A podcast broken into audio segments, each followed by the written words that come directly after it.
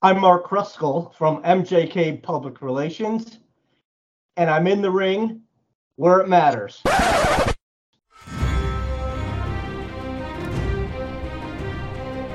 كلنا لديه ذلك الصديق وفي حالة أصدقائي الشخصيين فأنا هو الذي ما أن نخبره عن حماستنا لمشاهدة فيلم أو مسلسل ما حتى يبتسم باستهزاء ليخبرنا بأن الكتاب الذي استوحي منه الفيلم أو المسلسل أكثر تسلية وبه تفاصيل وأحداث أكثر ليتركنا نتساءل.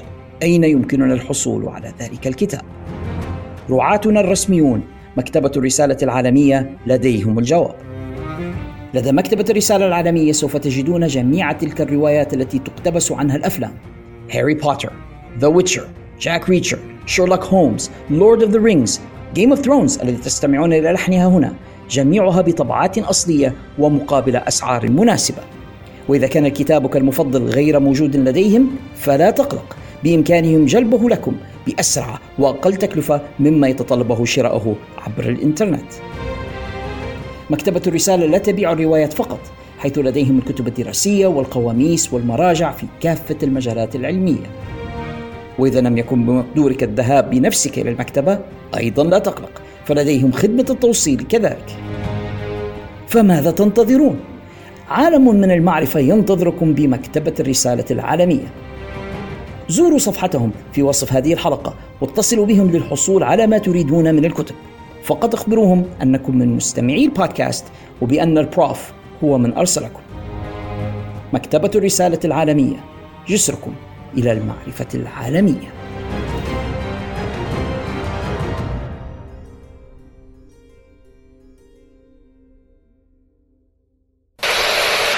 Hey, this is Brian Fritz from the Between the Ropes podcast. This is Ring of Honor World Television Champion Shane T. Boy. I am Ashraf Kabunga. I'm PCO, the French Canadian Frankenstein.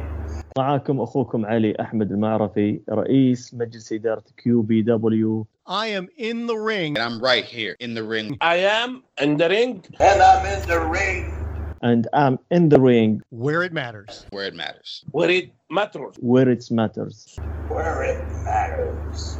In the ring where it matters.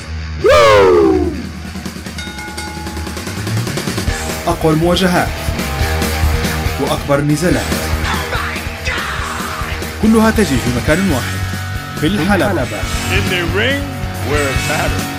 البرنامج الإذاعي الأول في ليبيا والوطن العربي لمصارعة المحترفين وفنون القتال المختلطة في الحلبة. تغطيات تحليلات وأخبار من مختلف الاتحادات حول العالم في الحلبة. مع عمر رقيح Give me a hell yeah. وعلى أشري The best there is, the best there was, and the best there ever will be. And that's the bottom line. The Stone Cold said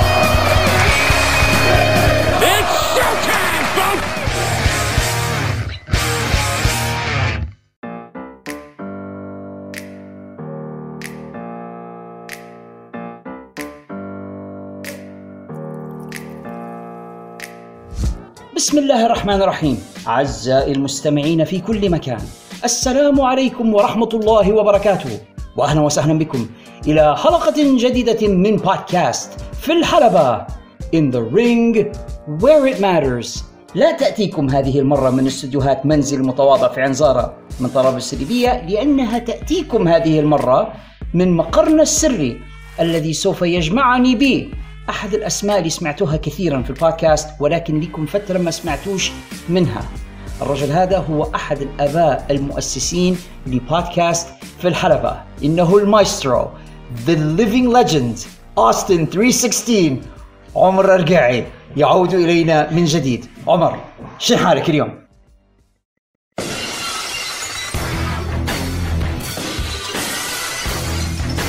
Well, well, well. على شريف. It's been a long, long time. A long long time my friend جديات أنا أول حاجة السلام عليكم. وعليكم علاوي كيف حالك؟ الحمد لله أعزائي المستمعين شن حالكم اليوم؟ الله أخباركم كلها طيبة أموركم تمام. بكل صراحة آه كأني أول مرة نقدم حلقة يعني أعتبر آه نعتبر نفسي عندي آه عندي مش مش فراشات تطير في بطني ممكن ديناصورات ديناصورات طائرة لأن بكل صراحة ال- البرنامج هذا يعني لي الكثير وأنا mess up بصراحة وبارك الله فيك. ويعني بكل صراحة يعني قديش لي نجهز نفسي نحاول نطلع بحلقة لكن ظروف الخدمة وعندي ما عندي يعني مجموعة ظروف هي جت مع بعضها. حالت بيني وبين ان نقدم حلقة ونكرس لها وقت لل editing ولل لكل شيء يعني لتقديمها ولإعدادها ولكل ما هو المفروض يتقدم بشكل كويس ونكون مواكبين المستوى يعني اللي إحنا ماشيين به حاليا. طبعا بكل صراحة أنا سعيد جدا علاوي بوجودي معك اليوم. وحلقة بإذن الله حتكون مميزة عندنا المواضيع ما فيها والمواضيع مشوقة. بدي بدأ بالنسبة لأصدقائنا الجدد واللي ما عرفوش عمر ولكن يسمعوا به عمر هو ال artist اللي صمم في ال covers اللي تشوفوا فيها بالنسبة للمتابعين على اليوتيوب وتشوفوا في ال covers بتاعتنا كلها هذه بتصميم أنامل المسيح اللي عمر الرقيعي اللي يعني ديما نسمي فيه المايسترو لكن هو مش مايسترو بس هو كذلك بيكاسو فنان عظيم يعني ومصمم جرافيك غير عادي. أكيد هو أنا ك... أنا ك graphic designer okay لكن بصراحة ال vision الرؤية بتاع ال design طبعا جيل منك أنت يعني هذا واقع. كمان. هذا واقع. كمان كمان. الحقيقة يعني. إحنا فريق يعني فعمر معنا يعني حتى لو مش معنا على المايك ولكننا ديما معنا في الإنتاج في ال pre-production موجود في كل الحاجات والمراحل اللي تشوفوا فيها. لبودكاست في الحلبة والبودكاستات الأخرى. عمر صاحب اللمسة في ال logos اللي تشوفوا فيها سواء اللوجو بتاع بودكاست في الحلبة بودكاست الكلمة الطيبة البودكاست After The Bell كلها هذه عمر هو مصمم اللوجو. عمر كذلك اللي تسمعوا في صوته في الشارع لكل حلقة من حلقاتنا. لما تسمعوا اللحن المميز للبودكاست هذا هذا صوت عمر الرقيعي فعمر راهو أب مؤسس معنا في البودكاست. وأحد اللي أنا شخصيا فتح لي الباب من خلال الاذاعه المسموعة لما كان يشتغل في راديو ال YFM 96.9 صوت الشباب عمر كان هو اللي يفتح لي الباب وعن طريقة قدمنا برنامج مصارعه حرة بالليبي الذي تطور حتى وصلنا لمرحلة البودكاست. بصراحة يا علاء أنا فخور هلبا بمهاراتك في ال editing. يعني أنت وصلت لمرحله حاليا ما شاء الله بديت independent يعني مستق... يعني مستقل بنفسك. يعني كنت ما... زمان لما كنا نشتغل مع بعضنا كنا نقعد مع بعض ندير في ال editing ومش عارف شنو. بشوي بشويه الظروف خلاتك أنت عن نفسك تقعمز بروحك يقعمز يبدأ يقص في الحلقة ويحط في الموسيقى بشكل بصراحة احترافي مش مجاملة بصدق على لما نسمع حلقة نقول مخرج بتاع برامج مسموعه الحاجة ام الاختراع الواحد احتاج إنه يتعلم حاجة فالحمد لله. وأنا شهادة يعني أعتز بها منك لأن عمر اللي ما يعرفوش أيضا هو مخرج إذاعي ومخرج تلفزيوني سواء تلفزيون سينما. فعمر رغم من الناس الذين لهم باع في هذا المجال وأحد المواهب الليبية اللي أنا شخصيا شايفها بيريد في بلادنا مش واخذ شهرته مش واخذ الحظ اللي جبروني. لا لا لا مش لا مش هذا القصد مش مش القصد جبروني لما نقول مدفون نقصد إنه هو في الظل من الشخصيات اللي ما يشوفوش فيه لكن هو underrated عنده قدرات وعنده potential غير عادي يقدر يدير منه حاجات كثيرة جدا ولكن للأسف الشديد مش محصل push مش محصل ال push بتاعه في في بلدنا لكن ربما يوما ما. إن شاء الله إن شاء الله. عمر المناسبة التي تجمعنا في هذا اليوم السعيد هي اليوم العالمي للبودكاست. يا سلام. وهذا بالنسبة لي يعني يوم سعيد للغاية لأن البودكاست هو النافذة اللي من خلالها طلعنا على جمهورنا في كل مكان. زمان كنا نقدم البرنامج من خلال الإذاعة المسموعة قناة صغيرة في مدينة طرابلس ولو الراديو مشوش أو في ظروف جوية من أي نوع ما يقدروش يسمعونا. وكنا نطلع على يوتيوب بس wasn't a podcast. في ذاك الوقت كنا نحطه في تسجيل الحلقة. آه مع البودكاست استطعنا أن نصل شرقا وغربا. وأصبحنا الآن يعني عندنا مستمعين في دول ما كنتش نحلم إن صوتنا يوصل لها يعني إحنا عندنا أصدقاء في الكويت إلى المغرب. يعني على طرفي العالم العربي. ناهيكم عن الدول الأخرى. فعندنا الحمد لله مستمعين وناس يتابعوا في البودكاست ويتابعوا فينا كذلك على اليوتيوب. فنبوا نرحبوا بهم جميعا فردا فردا. وطبعا نبوا خصوا منهم الراستر أو الفريق المميز اللي ديما معانا في جميع الحلقات. عندنا فريق ITR هذا اسمهم الجديد حسن وحسين عبد الله من طرابلس الليبيه عندنا عبد المجيد أبو عزة من مدينة زليتن عندنا أيضا من زليتن محمد عبد السلام هو من المتابعين الخطيرين للمصارعة في مدينة مصراتة عندنا صديقنا هديه الأحجل عندنا خارج ليبيا في الدول العربية مثلا من الكويت صديقنا العزيز عبد العزيز حسن من المملكة العربية السعودية عندنا هاشم الحربي عندنا في المملكة المغربية صديقنا عزيز تارجيريان هو كان عزيز لانستر وبعدين قلب ولا تارجيريان خلاص. عصر وجميع أصدقائنا الآخرين سواء اللي ربما سقطوا سهوا من الذاكرة ولكن أكيد موجودين في القلب أو المستمعين الساكتين اللي ما نسمعوش في صوتهم لكن يعرف أنهم معانا لأن نشوف ال statistics وعارف عنا متابعين في دول كثيرة جدا. سواء تسمعوا فينا عبر Anchor dot FM ومنصاتها المتعددة أو على اليوتيوب أو أينما كنتم تسمعوا فينا مرحبا بكم جميعا فردا فردا. وشدوا الأحزمة لأن هذه الحلقة بالإضافة أنها تنورت بوجود عمر الرقيعي معنا عندنا أيضا ضيف مميز للغاية سوف يلتحق بنا في وقت لاحق من هذه الحلقة هو السيد مارك كراسكل من هو مارك كراسكل؟ حنتعرفوا عليه بالتفصيل في اللقاء الذي سوف نجريه معه وحتلقوا معلومات كثيرة جدا عن عالم مصارعة المحترفين من خلف الكواليس حنسمعوها مع صديقنا مارك ولكن ذلك في فقرة ضيف الحلقة. نرجع الآن لصديقنا عمر الرقيعي وحنتكلموا شوية عن ذكرياتنا في عالم الراديو وبعدين انتقالنا للبودكاست قبل ما نخشوا في أحداث الساعة وشن صاير في عالم مصارعة المحترفين. And now, Wrestling Talk Show on 96.9.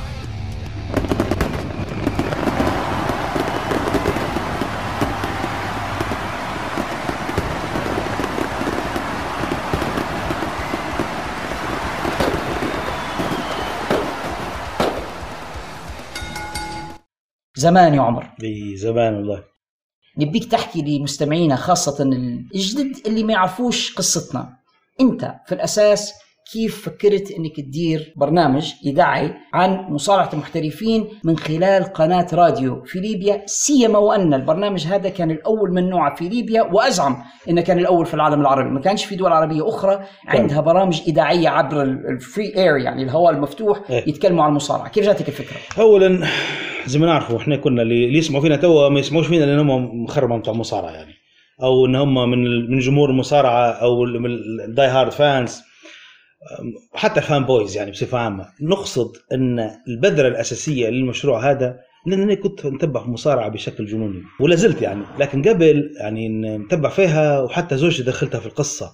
نادي رجلها وداين براين انضم لل Wyatt Family مش عارف شنو وزعلان. أندرتيكر في شهر العسل بتاعنا. تخيل انت ال streak نتاع الاندرتيكر انتهى في شهر العسل بتاعي قلت الاندرتيكر خسر ال streak بتاعها مش عارف شنو بشوي بشوية. أنا طبعا وقتها كنت نقدم في برنامج في الراديو اسمه Evolution ابديت برنامج على ال technology نحب ال technology. كل مرة ندير برنامج مختلف في رمضان ندير برامج مختلفة دينية كذا. ومرة مرات زوجتي من كثر ما نفختها راسها قالت لي اسمع أنت تو يعني أنت يعني ماشي كويس في الراديو وعندك sponsors واحد علاش ما تديرش برنامج بما إن المصارعة تدي فيها معايا أكثر من اللازم؟ علاش ما تديرش برنامج في الراديو عن المصارعة؟ فهنا خربشت في راسي قلت والله فكرة فعلا. من هنا انطلقت الفكرة ان أنا درت أول حلقة. أول حلقة طبعا تكسر فيها كرسي احمد كراسي تكسر. مش هذا شنو؟ أنت ضربت الضيف ولا شنو القصة؟ أول حلقة كانت الحلقة البايلوت. درتها أنا وصديقنا ربي يذكره بالخير فتحي الديلاوي. كنا نديروا في الحلقة يعني مقامزين نهدرز وكل شيء حلقة وندعو على المصارعة. المهم لأسباب أنا ما نتذكرش فيها. الكرسي تكسر. وكان وكنت جايب معي اللقب بتاع ال WCW اللي هو عندك حزام انت كان عندي حزام replica من أيوة. الحزام بتاع العالم عندي حزام لعبة بتاع WCW اللي هو ال world title وقتها يسموه فيه حتى في W ماخذوه كان في الأول يقولوا دبليو سي دبليو تايتل بعدين حولوه لي world title كان عندي ال big gold ولا لا؟ big gold إيه. ولا زال عندي لحد الآن. المهم هذا اللقب نذكر فيها كان كان معي الحزام هذا في الراديو. بعدين بعد ما تكسر كرسي طلعناه برا حطينا فوقه ال- الحزام واخذنا الصورة. أنتوا عندكم ويب كاميرا كان في الاستوديو. إيه كان عندنا؟ كان webcam في الاستوديو. يعني يعني هذه هي كانت البداية. وبداية كان طبعا فتحي حتى هو من جمهور المصارعه ويعني لكن شنو الفكرة؟ ان إحنا لما نهدرزوا في المصارعة كنا نهدرزوا بطريقة قد تكون مش مش واصلة للكل. مش لل average fans أو الجمهور اللي هم الجمهور العاديين بتاع ال ART والنوعية هذه من الجمهور اللي هم يتبعوا في المصارعة فوق الفوق بشكل تستخدموا في المصطلحات أنتوا insiders نستخدم في مصطلحات نقولوا heel نقولوا face ونقولوا آه جبرنوه آه ونتكلموا على فريق الابداع هل بمصطلحات تستخدموا فيها؟ في بعض الناس يقول شو يقولوا بالضبط؟ إيش قصتهم؟ اللغة شوية بالضبط. متقدمة بالنسبة للافرج. بالضبط. طبعا آه، استمر البرنامج فتحي جت فترة ما عادش يقدر يقدم معنا البرنامج صاروا ظروف وكل شيء. فهنا آه، كان عندنا متابعة متابعة للصفحة بتاعنا وأيضا متابعة حتى للمسموع يعني. ولاد شاب اسمه نور رابطي نور رابطي طبعا اتصلت به ليله من غير فتيلة زي ما يقولوا. قلت له السلام عليكم نور. ترجمة ل- لإخوتنا العرب. من غير فتيلة تقصد ليلة بلا قمر. يعني يتكلم عن الوضع الصعب اللي انت فيه لما فتحي تركك إيه. وانت لقيت نفسك الآن محتاج إلى بالضبط. أن راديو partner حد. يكون معك on air تتكلم انت وياه. بالضبط. لأن أنا وقتها إحنا الإخراج بتاع حلقات كان American style يعني أنا المخرج حلقة ونقدم فيها في نفس الوقت وندير في ال editing music. كان لازم يكون في معي آه، شخص ثاني باش نتحاور أنا وياه. ونور ديما يعلق لنا في الصفحة وكل شيء فلاحظنا مستواه كويس. فكلمته قلت له نور أنت تخش معي حلقة غدوة على الهواء؟ إيه ماذا بيا. وطلع معي نور واستمر البرنامج استمر استمرنا حلقات عديدة. وبصراحة يعني البرنامج حصل صدى كويس هذيك الفترة لحد ما في حد تواصل معنا عبر ال- لخبط لكم الدنيا إيه، كلها. عبر الفيسبوك تواصل معنا واحد من الشباب. بدي هدرز لقيته فايتني حتى في النولج. الحق. طيب. بعدين شو شوي اكتشفت ان الراجل هذا بجديات يعني بروف اللي هو طبعا علاء الشريف نتكلم عليه حاليا. آه علاء خش معي آه اونلاين وهدرزنا وبدأ يدينا في مداخلات هاتفية. بشوي بشوي أنا شبحت إن الراجل بجد عنده potential وسط الموضوع. فكلمته قلت له علاش رايك جد تجي تكون عندنا ضيف في واحدة من حلقاتنا؟ فعلاء وافق. أول حلقة نذكر فيها كنا مازال أربع ثواني ممكن على ال live وعلاء خش الاستوديو جري مسكين مش عارف نعطلك وقتها. جيت أنت وصديقك. جاي مع صديقي حاتم. ربي يذكره بالخير. نعم. وجينا وتوكلنا على الله ودرنا ديك حلقه جد حلوة. وبعدها طول خربشت في راسي قلت we have to form The Shield نديروا ثلاثي لازم نديروا ثلاثي ضروري علاء old school وعنده يعني ال- نقول لكم انا تصنيفاتنا إحنا ثلاثة. نور ال indies. يحب يتكلم على ال indies وال NXT والجو هذا.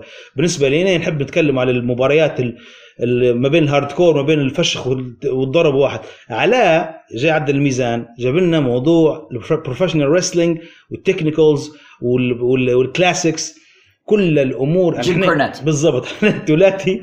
حشاك منا جيم كورنيت آه، شبالي مهبول. ولكن إحنا كنا ثلاثي يعني كملنا بعضنا بشكل غير عادي بصراحة واستمرينا عمر بعد أي. ذلك لمدة لا بأس بها على قناة ال Y FM اللي نذكرهم آه، بالخير الآن لكن المشاكل التقنية والناس اللي يسمعوا في البودكاست يشوفوا فيا ديما لما نتشكى من الوضع اللي صاير في. ليبيا والانقطاعات الكهرباء والمشاكل الأمنية و و وهذا صعب العمل حتى على العاملين في قناة ال Y FM التي كانت كثيرا ما تتوقف أو تصير لها مشاكل أو تطلع من على الهواء أو أو فلقينا البرنامج سيموت يعني على قناة ال Y FM. مع احترامي شديد للقناة والقائمين عليها. درنا محاولة للانتقال إلى قناة أخرى. كنا زي المستجير بال- بالنار من الرمضاء يعني هاربين من القناة الأولى لقينا القناة الثانية أسوأ وضعها فنيا وتقنيا وغيرها. وهذا ما دفعنا إلى اللجوء إلى هذا الحل. البودكاست. ولقينا أن بالعكس تقدر نستمروا في تقديم المحتوى بطريقة حرة المدة اللي نحتاجوها يعني لو الحلقة احتاجت مدة طويلة ناخذ طويلة قصيرة ناخذ مدة قصيرة حسب الحاجة يعني وفي حرية أكثر وفي عدم تقيد بالكثير من. من الضوابط اللي موجودة في الإذاعة المسموعة وأهم حاجة بالنسبة لي يعني إن المستمع يقدر يسمع في الوقت اللي يحبه. يعني خلاص الحلقة موجودة على الموقع ويقدر الشخص ينزلها إمتى ما يبي ويسمعها براحته هو. يعني ومش متقيد بموعد البث بتاع الإذاعة.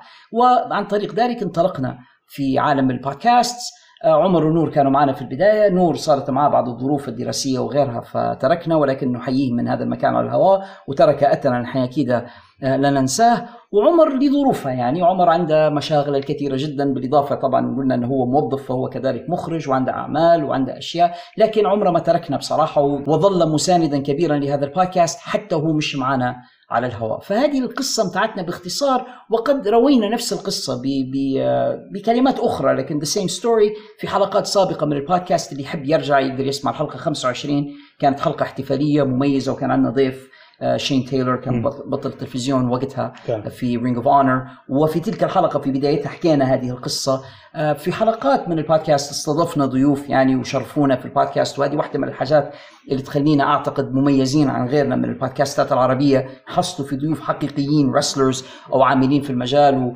وكان لهم دور معنا في هذا البودكاست وأنا أفخر بهم كثيرا وأعتز بذلك البودكاست بتاعنا يا عمر مش مجرد ترجمة للأخبار اللي فيها ديف ملتصر زي ما. يسموا فيه مش مجرد إن إحنا نترجموا أخبار ونقروها على الهواء وخلص ولكن بالفعل نعطوا في opinions نعطوا في آراء آه، نحللوا في الأشياء وفق لرؤيتنا إحنا. عندنا منهجية معينة ماشيين بها قاعدين نحاول نحافظوا عليها نوع من المهنية نوع من الاحترافية اللي نحن نحاول ممارستها من خلال بودكاست الحلبة. والبودكاستات المنبثقة زي After The Bell وأحيانا نديروا Before The Bell لما نديروا توقعاتنا لعروض.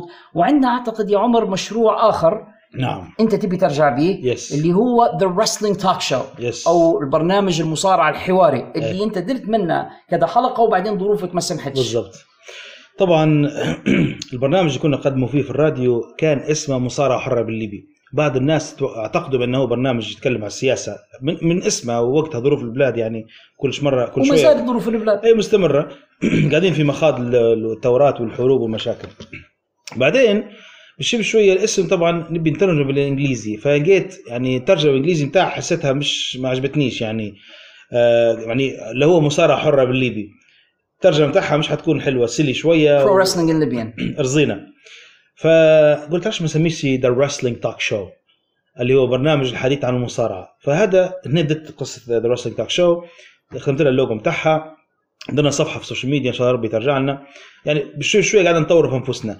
من هنا the talk show استمرنا به إحنا حتى مع بعضنا أول حاجة كبرنامج مسموع بعدين ك بعدين لما وصلنا لمرحلة بودكاست قلنا خلينا نديروا upgrade وبالفعل الاسم كان علاء موفق اختيارك الاسم In The Ring ممتاز جدا لهلبة أسباب. بعدها طبعا يا علاء أنا قررت نرجع من جديد. قلت لك خلينا مرة واحدة من الحلقات. أنت كان كنت مشغول. رجعت لنور حلقة سميناها The Wrestling Talk Show Night Stand أنا نحب ندير نحب نوستالجيا نحب نرجع للحنين للماضي ونحب ندير حاجات مميزة بناء على أحداث قديمه One Night Stand حلو بالضبط إيه. حلو فدرت حلقة سميتها درت حلقة لنور سميناها. مشكلة الحلقة درناها في مكتب في في شارع سبتمبر فمش نحكي لك الدوشة بتاع السيارات واحد. ومعاناتي في ال editing ربي يعينك أنت تو علاء. وفدرنا حلقة وبعدها يعني ممكن درت حلقة واحدة ولا حلقتين حتى بال style جديد حتى اللوجو غيرته. درت new يعني branding غيرت شوي في ال brand بتاع اللوجو باش اننا نطلع طلعة قوية. لكن آه لحد الآن أنا قاعد أنا عارف أنا متأكد أنا على يقين ان أنا عندي حيكون عندي وقت مخصص للمصارعة الحرة لأن بجديات مصارعة حرة قصدي واحدة من شو بقول لكم؟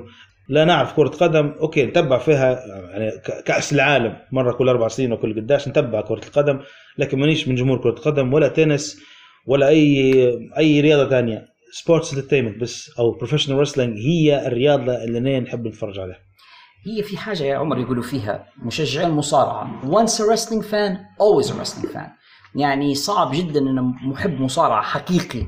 تشرب الموضوع هذا يطلع منه حتى في ناس يسيبوا لكن يرجعوا. مرجوعك للمية في الأخير أيوة. يعني. فالمحبو المصارعة ديما يولوا لها. أنا واحد من الناس رسلينج فان من كنت بيبي يعني. أنا من مواليد السبعينات من طفولتي المبكرة. يعني ما تصدقش لو كان يقول لك لما كان عمري 40 يوم إيه. عارف في القماط قاعد أنا قاعد في اللفة. إيه. أبوي يحطني على ال- الفراش ويثبتني. 1 2 3 يعني. تثبيت كتاف. أو يدير فيها body slams ويدير طبعا بلطف يعني. ولكن من صغري هذه حياتنا. ذكرياتي الأولى عن نفسي يعني my first memories أول ذكريات لي أنا جالس في حجر والدي نتفرج معاه على مصارعة. فبالنسبة لي this is my life. أنت صار لك زي The Rock The Rock قال كلمة قال wrestling is in my blood بالنسبة لي هو طبعا إن أبوه وجدة. وإلى آخره. okay تفهمنا. لكن أنت على موضوعك إنك أنت يعني شوف هو جاته فرصة إن أبوه وجدة يكونوا مصارعين. أنت تعتبر wrestling fan أكثر منا علاش أنت لا عمرك خشت حلبة ولا جربتها ولكن تحبها ومستمر فيها بينما روك في هوليوود حاليا. صح ولا صح؟ بس مش حنشكك في في محبته هو يعني. أنا متأكد انه هو ديما ي... بالنسبة لدوين ديما يتكلم عن المصارعة إنها صاحبة الفضل عليه يعني. هذه ما يقدرش ننكرها. لكن نعم أنا fan يعني من من أيامات السبعينات من طفولتي المبكرة. فأنا بالنسبة لي عايش في ال business هذا عمري كله. إيه. وعانينا معاناة شديدة جدا. عمر في في تلك الفترة بعد ما روحنا من أمريكا الولايات المتحدة إيه. لانها كانت ممنوع في ليبيا. صح. هذه ربما بعض جمهورنا لا يعرفها إن مثلا في الوقت اللي المملكة العربية السعودية أو دول الخليج الأخرى المصارعة شعبية جدا عندهم وتابعوا فيها الناس بشكل كبير. صح. في ليبيا النظام ال- أو بالأحرى اللا نظام السابق كان مانع من ضمن الأشياء اللي منحها على الناس متابعة المصارعة. فالليبيين كان في بينهم وبين المصارعة حاجز. وكان ممنوع حتى يوروها في التلفزيون أو تجي سيرتها في الإعلام أو أو أو. فكنا يا عمر نهربوا في اشرطه الفيديو. إيه. تقول مواد, مواد إباحية لا مؤاخذة يعني. وفي شبابنا أنا لما كنت صغير يعني لما كنت في الإعدادي في الثانوي كنت أنا وبعض الشباب اللي في المدرسة نجيبه في الأشرطة ومن تحت لتحت. إيه. أنا نعط- نعطيه the best of هولك هوجن يعطيني the best of بريت هارت كذا. أشرطة كنا جايبينها معانا من أمريكا ونتبادلوا مع أصدقائنا. أو مجلات المصارعة زمان إيه، كان يلقوا عندك مجلة مص- مصارعة. تقول يلقوا عندك يعني ماده ممنوعه يعني. فكانت يعني هذه طريقتنا في في تعاطي المصارعة في في طفولتنا. كانت عبارة عن حاجة ممنوعة وكنت نعتبر أنا متابعتي المصارعه نوع من المقاومة. للنظام تاعنا غصبا عنك حنتفرج على مصارعة مع إنك أنت منعنا.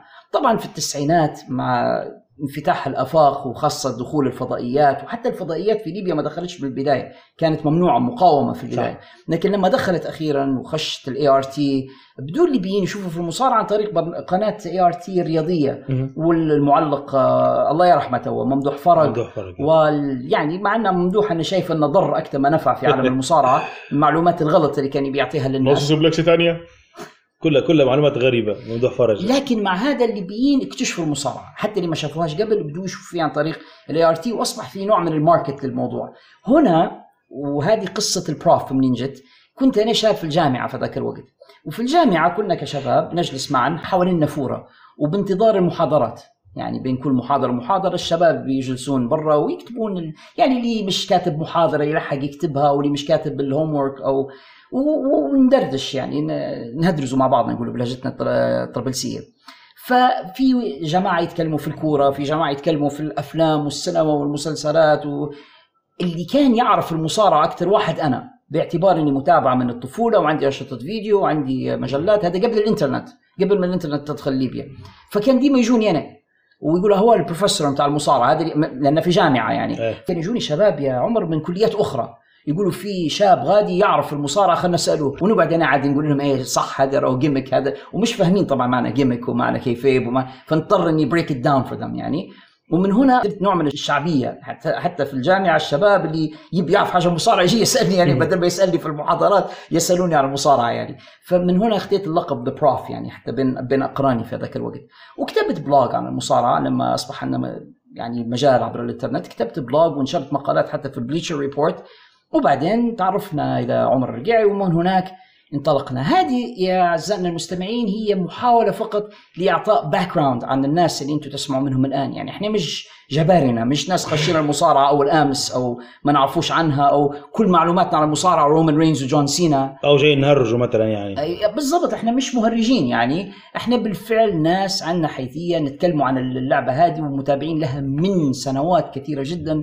عمر أنت أعتقد أنت بادي من Attitude Era صح؟ إيه أنا بديت من Attitude Era و... ولا يزال فهمتني لا يزال لحد اللحظة هذه my favorite wrestler اللي هو ستون كول ستيف اوستن بداياتي مع المصارعة كانت في الفترة ديك. فترة ال- ال- ال- ال- ال push اللي حصلها ستيف أوستن لما جاي ضد مدير الشركة ويفشخ فيه كل أسبوع. هذيك هذيك أنا حبيت المصارعة الحره هل تقدر تتذكر أول مرة شفت فيها مصارعة قدامك؟ نتفكر فيها. مم. أول مباراة نذكر فيها كانوا هيد بانجرز باهي هيد بانجرز وستون كول ستيف اوستن كان مع أعتقد روك وقتها اوستن face وذا روك heel في أي قناة ما تفكرش؟ آه ممكن قناة قناة سعودية ممكن. مع- اسمها آه، كيف معلق تجيبها، آه، إيه. معلق سعودي. ونتذكر حتى كيف أن ستون كول ستيف اوستن تكنطه في الأخير أعطاهم كلهم stunner وطلع؟ طبعا كنطه لجمهورنا العربي بمعنى غضب كثيرا. إيه تعفلق أو أو غضب كثيرا. وأعطيه stunner للجماعة كلهم في المباراة وطلع وخ- وخلى الهيد بانجرز تبتو ذا روك خسروا المباراة.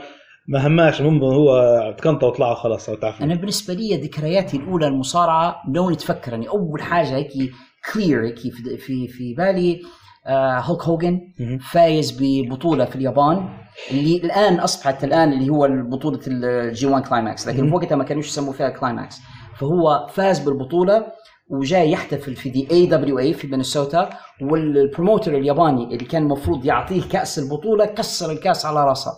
وبدأ دم يسيل من رأسه.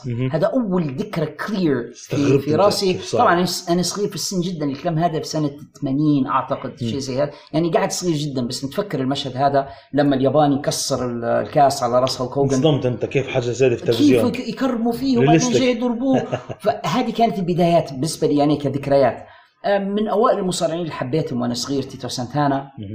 آه، ريك مارتيل ماتشو مان كان غرام لي وأنا طفل صغير جدا. طبعا لأن ماتشو مان الألوان إيه. والصوت والشخصية. ياه وتصدق عمر حتى وأنا صغير ما كنتش محب لهولك هوجن يعني ما كانش خش علي اللي يدير فيه مش إيه. مقتنع. أما اللي فعلا لما شفته خلاص يعني ما عادش قدرت أطلع من راسي برات ذا هيتمان هارت. المصارعين اللي كنت بشوفهم كلهم إيه. قبل برات هارت كانوا مصارعين بوي. يعني بوي كان يحب مصارعين وإحنا بنتفرج عليهم معاه. لكن برات هارت was my wrestler. عارف وأنا أتفكر إن والدي ما كانش يحب برات إيه. لأن من جهة لأن أبوي أكبر منا في السن وبريت يعني ألوانه اللون ال- ال- البودري آه، الزهري. ال- الموف وتسريحه الشعر وكذا. إيه. فأبوي ما كانش معجب به إيه. يشوف فيه sissy يعني في إيه. الألوان هذه. بس أنا something spoke to me. في إيه. حاجة شدتني في بريت هارت فأصبح هذا مصارعي أنا. فأبوي كان عنده أبوي طبعا المفضل عنده كان آه، نيك باكوينكل مهم. هذا كان مصارع مفضل من مصارعي AWA وكان يحب تيتو سانتانا وجيمي سنوكا هذا كان الجيل اللي أبوي كان يتابع فيهم. أنا بريت هارت وبعدين ما تلا ذلك وأصبحت wrestling fan وما عادش قدرت نطلع. لكن المصارعة تغيرت كثيرا يا صديقي طبعاً. وأصبحت يعني مختلفة تماما عن البدايات اللي تعرفت عليها أنا وأنت ففي الفقرة التالية حنناقش أنا وياك أخبار المصارعة المستجدات اللي حاصلة في هذا الزمن what's going on now and uh, إحنا بنديروا ما يقولوا بالإنجليزي pick عمر's brain يعني أو حنشوفوا شنو في باله okay. سيما لنا مدة طويلة ما تكلمناش مع الهواء. فحنفتحوا عدة موضوعات وأعزائنا المستمعين حنهيموا معكم في عالم المصارعة. حنتكلموا على حاجات شرقا وغربا من WWE من AEW من Impact Wrestling كل شيء بنشوف المايسترو شنو أفكاره وأنا حنحاول نجريه يعني في في هذه الأفكار. وحنسمع مع بعضنا حوار طريف مسلي لعل يعني تستفيدوا منا وتلقوا عنا أشياء ما سمعتوهاش من قبل في عالم المصارعه وربما سمعتوا زيها لكن بطريقتنا إحنا فعمر حنحيوا الأيام القديمة والمائدة المستديرة بتاعتنا اللي كنا نديروا فيها زمان في الراديو ونذهب إلى هناك Here we go.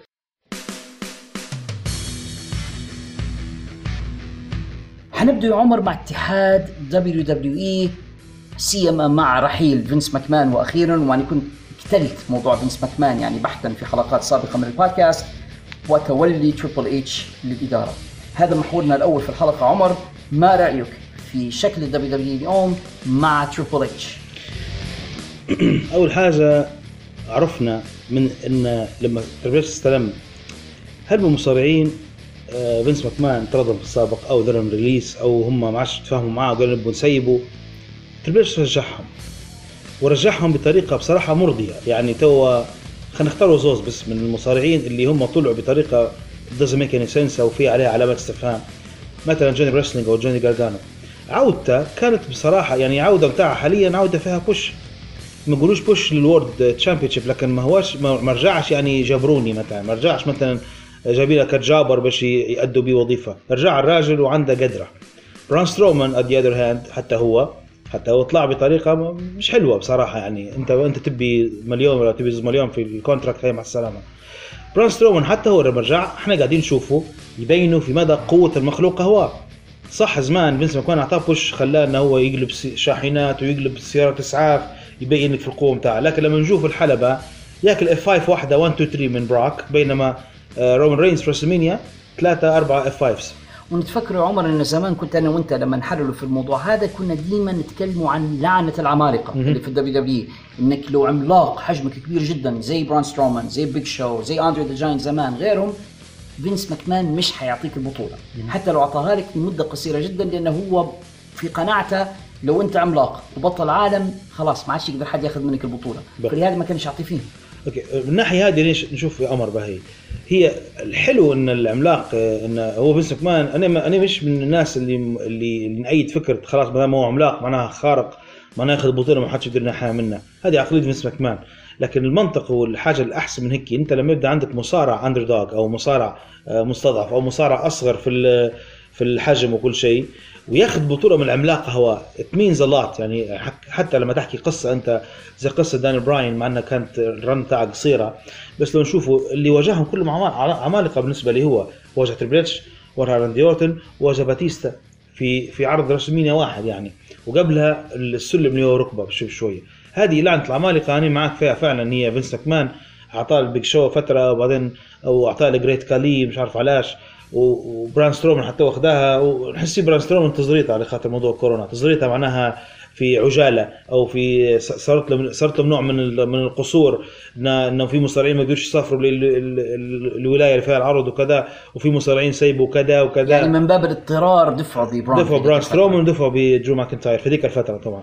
ومعك لعنة العمالقة لعنة كارثية لكن خدمة هولك هوجن لعنة العمالقة. لكن تريبل اتش يبدو إنه يريد إثبات إنه هو كان على حق في الدفع ببعض. الشخصيات زي ما أنت ذكرت آه، جارجانو على سبيل المثال فقام بارجاعها رجع كا- كاريان كروس كاريان كروس من الناس اللي ما فهمتش أساسا كيف ممكن فينس ماكمان يتخلص منها. الراجل عنده كل شيء الشكل الشخصية الكاريزما.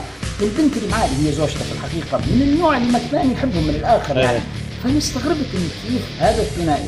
كاريان كروس وسكارلت يقدر ماكمان بكل بساطة يتخلى عنهما مثلا. فكان يعني من الحركات اللي دارها تريبل اتش الأولى إنه قام بإرجاع كاريان كروس فعلا. وزوجته وكانت خطوة موفقة أعتقد. فعلا. إحنا نجوا لنقطة آه، إحنا قلنا عن المصارعين اللي كان اللي كان فينس دار لهم release وردهم تريبل إتش. خلينا نتكلم عن المصارعين اللي قاعدين موجودين وفينس دار لهم squashing أو مسحهم أو جبر لهم زي ما نقولوا وتريبل إتش حاليا بده يرد لهم في قدرهم شوي بشوية. أو مصارعين فينس كان دافع بيهم وهم ما يستحقوش زي مثلا بارون كوربن فنجي نشوف مثلا ريكوشيه على سبيل المثال. ولايسي ايفنز سي ايفنز ريكوشيه الراجل هذا عنده كان اسمه برنس بوما لما كان في اتحاد لما كان في اتحاد Lucha Underground كان كان ظاهرة زي اي جي ستايلز وأكثر يعني مخلوق غريب صراحة. و by the way كان قاعد بالقناع بتاعها صدقني الحزام على كتفه تو لأنه بالفعل كان هو صح اطول من ري ميستيريو لكن كان يدير في الهبال بتاع ري ميستيريو أكثر. يعني كان ولا يزال بصراحة يعني مصارع عبقري وجوده في ال WWE حاليا الفترة اللي فاتت كلها كان كلها مجبرينها يحطوا فيه في قصص ما لهاش أي داعي ولا أي لازمة ويدفوا فيه في حزام 24 هذا اللي أصلا افتكرنا من قصته حتى هو. فهنا نجي نشوف ريكوشيه مجرد تريبل اتش رجع من هنا ريكوشيه يربح clean بارون كوربن ومستحيل كانت حتصير في عهد ماكمان باهي ومش هيك بس علاء يعني مش مجرد إنك أنت تربح مباراة أنا أنا نحطك في سيناريو كويس نحطك في timeline معين بحيث إنك أنت تزيد تطلع مباريات حلوة وتزيد تثبت نفسك. بالفعل لاحظنا حتى تغير في نمط المباريات يا عمر. يعني شكل ال wrestling في الحلبة تحت تريبل اتش أفضل بكثير من أيام فينس ماكمان انه في emphasis على المصارعة في تركيز على حتة المصارعة. فعلا. النقطة هذه أنا نأيدك 100% فيها. فينس ماكمان مبارياته كيف كانوا؟ تبدأ المباراة يا إما آه، قال لك آه، يختبروا قوة قوة بعضهم بعدين هذا يدفع آه، بعدين تبدأ المباراة تبدأ المباراة slow بعض الأحيان وطبعا مدروسة مباراة دراسة كاملة زي ما يبي بابا فينس ماكمان شنو هي مباراة آه، تبدأ المباراة أنت تشدها شوية بناخذ فاصل إعلاني في الفاصل يبدأ مثلا هذا المصارع كان خانق المصارع الثاني بعد الفاصل تنعكس العملية تلقى اللي كان مخنوق هو اللي خانق باش أنت تقول حي خلني ما خلني ما تفرجش آه في break خلينا نمشي نحضر live باش نعرف شنو صار. يعني السياسة ال- الثمانيناتية هذه اللي ماشي بها. plus أن المباراة معروفة كيف تنتهي finisher 1 2 3 تمت. signature finisher 1 2 3 تو لما نجي نشوف نلقى مباراة فيها finishers مش أنا نأيد أن ال finisher تنزل 15 مرة زي AEW لا. ال finisher يا سيدي درت له ال finisher بتاعي مش من الأول خواها. بعدين بعدين استقبل ال finisher مني طاح برا الحلبة. شد في الأحبال. هيك مباراة تكون interesting وأنا لما نتفرج نتشوق بها تتم مباراة بأحلى صورة وتوصل للصورة الحلوة هذه by the way تعرف في رأيي السبب علاش نشوفوا في فرق ما بين تريبل اتش كبوكر وفينس ماكمان كبوكر؟ تريبل اتش قبل ما يكون مصارع كان wrestling fan he's a fan فمحبته للمصارعة تنعكس من خلال طريقته في ال booking. صح. هذه حاجة. الحاجة الثانية he's a wrestler فهو فاهم المصارعين شنو يقدروا يديروا وفاهم الجمهور شنو يبي يشوف. وبالتالي يقدم لك في أفضل ما لديه. في الوقت اللي ماكمان كان يبي يدير أي شيء إلا المصارعة. أنت تلاحظ دار اتحاد لل bodybuilding. زمان كان يدير في ال promotion لإيفل كنيفل هذا واحد stuntman يدير في حركات. آه، حاول يخش السينما حاول يخش عالم ال football ماكمان كان يريد أن يفعل كل شيء إلا أن يكون wrestling promoter ولهذا تشوف يعني لما يدير booking للمصارعة من غير نية من غير نفس. هذا الفرق. تشوف أنت محبة الشخص للشيء تنعكس في خلال جمال الشيء اللي يقدم فيه. فعلا. وهذا بان طبعا آه، مع تريبل اتش تحديدا بان في NXT قبل. في NXT قبل تريبل اتش لقت محبوبين الجماهير بتاع ال social بيسموا فيهم social media sweetheart internet sweetheart لقت جميع المصارعين اللي هو بالفعل زينا حتى هو أنا متأكد إنه كان big fan للمصارعين ما كان big fan لجو كان big fan لاي جي ستايلز كان big fan ل بوبي لجربانو رود. الجماعه هذو كلهم لما خشوا NXT تريبل اتش قام بيهم القدر. بوبي رود ليش ما كنت سعيد لما كان عنده single run glorious تخيل أنت. شوف ال gimmick اللي حصلها بوبي رود يعني أنت مصارع اول ما تخش لاتحاد مصارعة جديد. كنت منافس في اتحاد ثاني فينس ماكمان ما يحطكش glorious يحطك مدلول. لكن تريبل اتش حطها في gimmick فظيعه يعني حتى خش اسمه إيه باسمه. والروب بتاع بتاع ريك فلير يعني كان الراجل كانت عنده push وكان ماشي قدام صح. لين طبعا ما طلع من NXT ومشي زي ما نقول طلع من المدرسة الخاصة مشي للمدرسة العامة. مشي غادي ومسحوه مسح. مسحوه في الأرض مسح. أعطوه single run بروحه. ما نجحتش. دفوه مع دولف زيجلر وهذا حال الكثير من النجوم والنجمات اللي كانوا في NXT تحت تريبل اتش بمجرد ما يتم تصعيدهم إلى ال main roster مكمان كاني بيثبت ان لا. اللي كنتوا تديروا فيه عن تريبل اتش مش حتديروه عندي. وتكلمنا عن هذا كثيرا من حوالي سنة في واحدة من الحلقات لما تكلمنا على مذبحة هالوين. لما مكمان بعد تقريبا بعد ذكرى هالوين اللي في الولايات المتحدة إيه. قام بطرد الكثير 18 كان يتفكر صح. مصارعة مصارعة من NXT. كلهم حملت ألقاب وشخصيات وأسماء كلهم سجدهم والكثير منهم ذهب إلى AEW وضعوا حتى في AEW وسنتكلم بعد قليلا عن AEW والعبيتري اللي صار في AEW حنعطيك اسمين. LA Knight وآدم كول. LA Knight طبعا انت قصدك به ايلاي دريك ايلاي دريك باهي. المخلوق هذا على قد ما هو يعني إحنا زمان لما نشوف فيه ممكن في بعضكم شباب ما عرفتوش إلا في ال WWE في بعضكم عرفة في NXT في بعضكم عرفة خارج أسوار ال WWE أصلا. المخلوق هذا هو عبارة عن الخليط ما بين ذا روك وما بين ستون كول ستيف اوستن total package إيه. total وزيادة شكله وسيم. وزيادة في المصارعة ممتاز. وعلى المايك ممتاز. المخلوق هذا ياخذ ياخذه من ماكمان يحطه في ال main roster. وشنو يديره؟ يديره آه، عبارة عن مدير أعمال للأسف الشديد جدا. المو... ال- ال- الرج- ال- الرجال ال models أو ال- ال- الرجال. سوار أيوه خليني كلهم كلهم وار وبار وكار. تحط حاجة by the way هذه واحدة من واحدة من ال... من خلينا نعطوها اسم باي. مش في Mandela effect لازم نعطوا حاجة لل effect تاع Triple H لازم نديروا له effect ترى. Triple H effect H effects ولا Triple H effects حاليا لو تلاحظ الأسبوع الماضي فقد اعصابه لما خسروا الفريق بتاعها لأني مباراة ما قدرتش نتفرج عليها كاملة. مم. أنا فيها كم من من القرف يعني ما قدرتش نكملها. عموما هو الأمر لما تفرج عليها hilarious تضحك عليهم حركاتهم جو كيف ينقز وكيف يدير لكن في نهاية المباراة رجل قداس أول مرة تصير ديما حافظ على اعصابه وياخذ نفسه عميق خبط ناحية الجاكا بتاعه لوحه نحس إنه في transformation للشخصية. حتى قال الأسبوع اللي فات قال كلمة Knight في واحدة من ال meetings نقصد ان أعتقد أن الحلقة الجاية ال gimmick هذا حيتركب. الجاية أو اللي بعدها حيخش بيهم الحلبة وحياخذ كرسي حيفشخهم وحي... وحيمزق حوايجه وحيرجع لنا LA Knight. تمام؟ اتمنى يرجع لإيلاي دريك مرة واحدة. إيلاي دريك. لا والغريب في الرجل هذا اسمه الحقيقي يا عمر. اسمه الحقيقي شون ريكر يعني which is a really cool wrestling name يعني. إيه فعلا. فأنا مش عارف ليش ما يستخدمش اسمه الحقيقي يعني. لكن إيلاي إيلاي دريك كان كان شخصية فظيعة. بس ما دام أنت جبت سيرة ال Maximum Male Models هم. أنا لي فترة ما سمعتش الإخوة يعني المهرجين.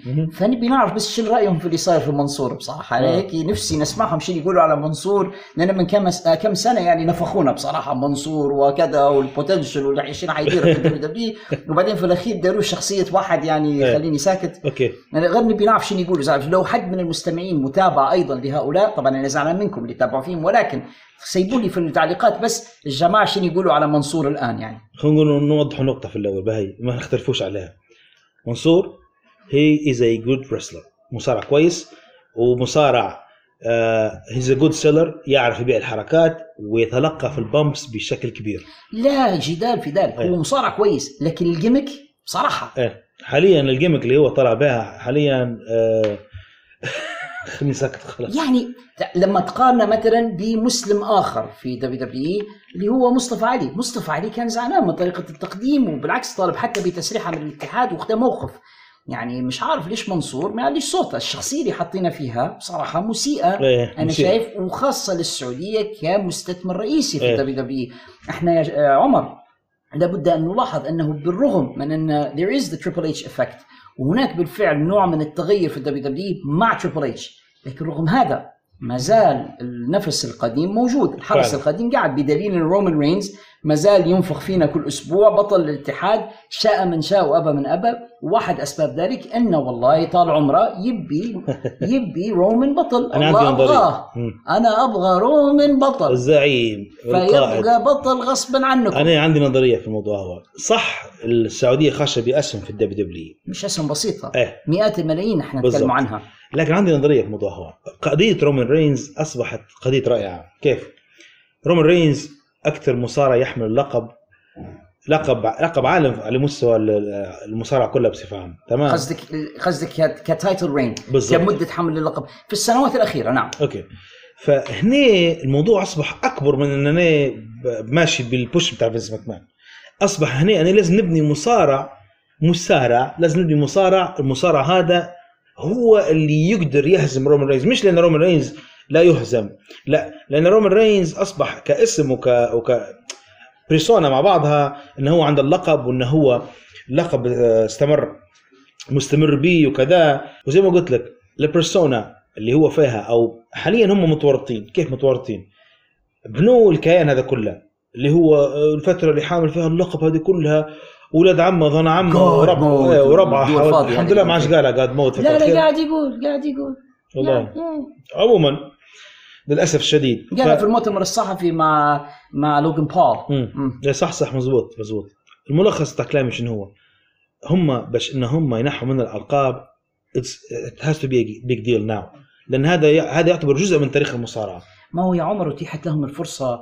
لما كانوا في ويلز الفرصة اللي حصلوها مع درو ماكنتاير كانت فرصة تاريخية. درو جاهم وكان عنده حقيقة يعني potential كان عنده momentum كان مدفوع به كان مقنع. ال storyline كانت قوية وكانت تكون أعظم فرصة لانتزاع اللقب من رومان وأعطاها لبطل مقنع كانت في درو ماكنتاير. لكنهم قرروا إنهم ما يديروا شيء في كارديف في ويلز في في في عرض Clash at the Castle اللي كان مبني كله من أجل تتويج فعلا. الظاهر يعني. فعلا. آه، درو ماكنتاير. They dropped the ball يعني فعلا أسقطوا الكرة وقرروا يقعدوا مع رومان. جميل. طبعا هنا لو تلاحظ إحنا إحنا إحنا دبليو نتابعوا فيها من سنين طويلة فإحنا نعرفوا لما في بعض ال promos لما تندار لمصارع معين مثلا مستحيل المصارع هذا أنت ماكش دافع بيه وبتعطيه الحزام يعني البرومو اللي داروا لدرو, لدرو ماكنتاير البرومو اللي هو يوروا فيه في يقيم في الصخور وي- ويتمرن في وسط الغابات وفي وسط الجبال. أنا لما شبحت برومو قلت قلت هم حاليا فتحوا روحهم. هم حيعطوا لأن مستحيل ال promos اللي درتوها دي كلها ما كانتش الفكرة الرئيسية إنه هو ياخذ الحزام لكن بعدين آه على قول تريبل إتش good business علاش صار هيك؟ إحنا نعرفوا إن في عرض السعودية جاي لنا في الطريق. تمام؟ والعرض هذا يفرض على الدبليو دبليو إن هم ضروري ما يخلوا الزعيم القائد ال- ال- القبلي الحلقومي إن هو يكون ال ال ال الشخص اللي بيكون في ال main event ويكون عنده الحزامات ويخش يقيم يده فوق يقول لهم acknowledge me مش كلهم يكونوا سعداء للأسف الشديد. هذه النقطة اللي خلتهم يتراجعوا في آخر لحظة. by the هذه معلومات بقولها لك قد تكون غير صحيحة قد تكون يعني rumors خلينا نقول إن هي عبارة عن إشاعات. قالوا إن في آخر لحظة لأن لو لو لو ترجعوا للفيديو لما خاش درو ماكنتاير للحلبة في مبارته لو تشوفوا وجه درو ماكنتاير أنت مسكين ده جو حلو. لما خش في الحلبة وجم يقول أوه درو ماكنتاير. ذاك وقتها فرح هو. حاس okay أنا ممكن حنخسر لكن على الأقل الجم... أنا... الجمهور يحبني. قاعدة الجمهور يعني بدأ ينقز وفرح بس قبلها والله وجه زي الحماس يا علا بمعنى كان في غضب شديد لكن أنت موظف وأنت بالنسبة لهم هم أكتر عندك دور بتديره وبتروح ترقد. تاخذ فلوسك وبتروح ترقد. فهنا ما كانش عنده options بس السؤال اللي فعلا نبي رايك فيه. السعودية بهال influence أو التأثير اللي عندهم في دبليو دبليو اي يعاملوا في رومان وكأن ابنهم. مهم. يعني حريصين على بقاء البطل. ابنهم اللي هو منصور. ليش ما يدخلوش؟ بيقولوا له براه ال gimmick اللي عاطينه له هذا متاع واحد آه، بالي بالك يعني. والله إيه. مش مناسب ليه يعني. و- و- وللأسف يعتبر يعني منصور شئنا أم أبينا ممثل العرب في الدبليو دبليو. ما. عندناش مصارعين عرب آخرين. باستثناء سامي مهم. اللي هو جنسيته كندي. طبعا. آه سامي زين طبعا. لكن بالنسبة لمنصور يصارع بهويته وشخصيته إنه هو سعودي يمثل العرب والمسلمين وحاطينه في هذه الشخصية اللي حقيقة يعني غير مناسبة لي على الإطلاق يعني. فلماذا لا يرفعون التلفون مثلا لتريبل إتش؟ يقولوا له الشخصية مش مناسبة وإحنا نبغى نشوف ابننا حتى هو بطل وفي وضع جيد من هالوضع الهجين حقيقة وال- والمسخرة اللي أنا فيها أنا أعتقد أن قد يكون هناك نقاط في العقد اللي بين السعودية وما بين آه، ما بين السعودية وما بين دبليو دبليو إي ان فينس ماكمان ذكي مش غبي. أنت صح تعطيني فلوسك مش حتشتريني بفلوسك بحيث انه تمشي اللي تبي أنت يا بس. راجل إذا كانوا قالوا نبوا بيل جولدبرغ okay. نبغى بيل جولدبرغ وجابوه. okay. ب... هم قالوا نبوا ألتيمت وورير إيه. أنت تعرف إنهم طلبوا. ألتيمت وورير اللي هو. ميت. إيه وكانوا طالبين يوكوزونا اللي هو ميت واضطروا دبليو دبليو يجيبوا واحد مصارع سومو هيك بدين وكذا باش يحل محل يوكوزونا قال لهم هذا يوكوزونا إيه. مع احترامي للجمهور المحترم جدا في السعودية. أنا عارف إن هناك wrestling fans في السعودية على أعلى درجة. لكن أحكي لك على المسؤولين اللي هم حشروا نفسهم في موضوع الدبليو دبليو هذا إيه. وقرروا إنهم يكونوا bookers معاهم طال عمرهم. يعني فهذا من المفروض انهم على الأقل يسمعوا شوية للجمهور راهو وضع منصور سيء أو الإصرار على الدفع برومان رينز يعني شاء من شاء وأبى من أبى مش مش مناسب إيه. حقيقة يعني بالنسبة لمنصور وبالنسبة للسعودية بالنسبة لل gimmick بتاع منصور الفكرة أساسها تو وين انه دير بدير شخصية يديرها لكن ما ما تجيبش واحد سعودي عربي يدير له يدير ال gimmick هي لأن للأسف المجتمع هذا مش حيتقبلها الشخصيه هذه طبيعي طبيعي هنا القصة بس. وعلى ذكر السعودية والعروض التي تقام هناك في عندهم العرض القادم اللي حيكون كراون جويل في شهر 11 المقبل واللي حنشوفه فيه لوجان بول يتحدى رومان رينز أنا كنت تكلمت على الموضوع هذا مطولا في حلقة سابقة لكن نبي رأيك أنت يا عمر. شو رأيك في تحدي لوجان بول لرومان رينز على بطولة العالم؟ هل تشوف إن عنده حتى فرصة كرة جليد في الجحيم ضد رومان. أنا شايف إن مباراة لوجان بول عبارة عن إن هم ما لقوش خصم لرومان رينز وجابوا مش okay أنا القصة اللي حكيتها عجبتني هلبة وقصة جميلة انه هو كان قصة روكي وكذا معك. لكن أنا آسف هو لوجان بول آه علاش جايبينه؟ علاش اختاروه؟ هو أصلا هو عنده مجتمع كبير من السعوديين يحبوه اللي كانت ما تعرفهاش هو كان YouTuber هنا. وفترة ال YouT- ال YouTuber هنا عنده subscribers من كل مكان وكان يدير في pranks وكان يدير في كذا كان douchey شوية. ف فالسعوديين يحبوه. فتو لما تجيب لهم رومان رينز وتجيب لهم لوجان بول حيصير clash لكن أنا نقول لك من توا لوجان بول is just another another قال ذاك آه، عبارة عن وجبة ثانية وخلاص لرومان رينز. خلنا ننتقل يا عمر إلى الجانب الآخر من عالم المصارعة واتحاد اي دبليو والمشاكل الكثيرة اللي صايرة في الفترة الأخيرة. يعني سمعنا آخر حاجة بالقضية اللي صايرة مع سي ام بانك على سبيل المثال والمشاكل وأيضا أنا كنت غطيت الموضوع هذا وقتلته بحثا في حلقات سابقة من البودكاست ولكن عندي فضول كبير إني أعرف. أنت شو رأيك في اللي صار؟ قصة سي ام بانك المشكلة اللي صارت ما بينه وما بين اتحاد دبليو المشكلة اللي صارت مع الإليت مع كيني أوميجا شو قراءتك أنت للموضوع؟ أول حاجة بالنسبة لجمهور سي ام بانك بتسامحوني في الكلام بنقولها باهي اعذروني جدا لأن أنا وأنا واحد منهم راه اي لا I know انت already قلت لك كلام فصدمتك مسبقا يعني.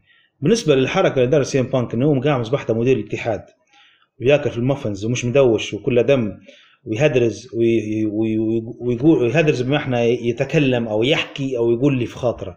بدون أي احترام للمخلوق اللي مقام مصباح ده اللي موقع مع contract اللي هو مدير الاتحاد. حركة متاع فروخ حركة بتاع بتاع عيل يعني أنا فاهمكم شو قصدي. باين تا سي إم بانك متكنتي من الجماعة لأن هم مش مدينين لك قدرك they didn't acknowledge you بطريقة خلف الكواليس مش زي رومان رينز في الحلبات. يعني مش مش عاطينك القدر بتاعك أو إن هم. هو أنا نعرف سيم هو متحسس من شنو سي إم بانك؟ انه هو غادي وحصل push هم مش متحسسين. ان آه جابوا لنا تو جابوا لنا سي إم بانك. أنت شبحت ال reaction بتاعهم لما سي إم بانك خش الحلبة الكاميرا جت عليهم. ال reaction بتاعهم بتاع here we go هيك استوى اوميجا قال لما جت جت الموسيقى بتاع سي إم بانك وخش. قصة وين؟ في حساسيات من الأول. هو تضارب egos أو زي ما يقولوا آه، تص- تصادم- شخصيات. بس هنا المصيبة الأكبر مش تصادم شخصيات بتاع بين عيله لا هذا عنده نجوميته عنده جمهور هذا عنده نجوميته عنده جمهورة. قول أوميجا. الباكس بالنسبة ليانج باكس متحسين إن هم أصلا من الطبقة الوسطى في عالم المصارعة. فحتى لما يجي واحد زي سي إم بانك وهم يعتبروا في روحهم مدراء غادي ويشبحوا ان هم قاعدين يلعبوا في الثنائي وبانك يجي ياخذ الحزام ولا ويبدأ يدير push لمصارعين ثانيين موضوع بالنسبة لي مو مزعج. علاش؟ لأن توني خان الشخص اللي عنده الفلوس. اللي عنده الفلوس الفلوس. الشخص هذا يبي سي إم بانك وغصبا عنهم لازم يجي يكون سي إم بانك موجود في الاتحاد. شنو هم ممكن يديروا باش هم يطيروا الشخص ده من الاتحاد يطلعوه هو في اسوء صورة وفعلا أفلحوا في ذلك وطلعوا اسوء مع سي إم بانك وبالطريقة اللي هم يبغوها. عرفوا يستفزوه. عرفوا كيف يجيبوا له الطريق لدرجة إنه هو قلل احترامه قدام مدير عام اتحاد. يعني أنت بقول قدام مدير عام اتحاد وفي meeting تاكل في ال muffins وتسب في هذا وتسب في ذاك وتشتم في هذا وبالاسم قصدي لقطة مش professional مرة واحدة. يعني الموقف هذا اللي داره ما زال اسوء من الموقف بتاع اوستن اللي هو لما في مباراة أنا بجديت من ذاك التصرف أنا باون كرهته for Glory 2019 ما عادش حبيته. أنا حس حسيت انه هو حت- يعني قلل من احترام للمصارعة وصفعة في وجه كل جمهور المصارعة. خسر المباراة بتاعها من آه، جوني موندو ولا جوني نايترو ولا جوني جوني إكس كل مرة إكس. حاجة باي. شكل هو تمت المباراه 1 2 3 شن دار ذوك قال ما ينصتوا بعض. ومش ناض بتاع إنه هو يتألم لا ناض هيك ناض ناض وطلع أنت تعرف إن سي ام بانك وأستن اريز أصحاب ولا لا؟ آه، والعقلية متشابهة جدا ما بين. الاثنين. يعني هم بعض الناس يسموا فاستن اريز آه، ميني بانك إنه يشبه له بس على قصير يعني عارف؟ إيه. حتى شكلا في إيه، البنات شبه شبه. يعني. فأنا معك في هذا. ممكن لو بنلعب بال devil's advocate يعني وبندير ال- الوجه الآخر من من الحوار بس من باب ان اعطاء الرأي والرأي الآخر يعني. تمام تمام. إن بانك أخطأ بالنسبة للأسلوب اللي تكلم به وبالنسبة لل... يعني حتى قلة الاحترام لتوني خان لكن أنت مش شايف معي إن توني خان هو اللي غلط. yes لأن توني خان كان المفروض أول ما بانك بدأ يطلع من النص خلاص كان ينهي الاجتماع المفروض. كان أنهى المؤتمر. الصحفي قطع المايك كان نادى جماعة ال PR يقول لهم خذوا بانك خلاص دي غرفة الملابس بتاعته بانك تعبان. وكان أنهى الموضوع. المفروض كان توني خان أحسن تصرف لكن هو جالس بيهز راسه بجواره وتركه. في النهاية أنت أعطيت لي واحد زي سي إم بانك معروف ال dangerous man وأعطيته live mic وقلت له اتكلم وهو زعلان. فالمفروض لا هذه حاجة. صح. الغلطة الثانية اللي دارها توني خان إن ما كانش الموضوع المفروض يتطور إلى هذه الدرجة.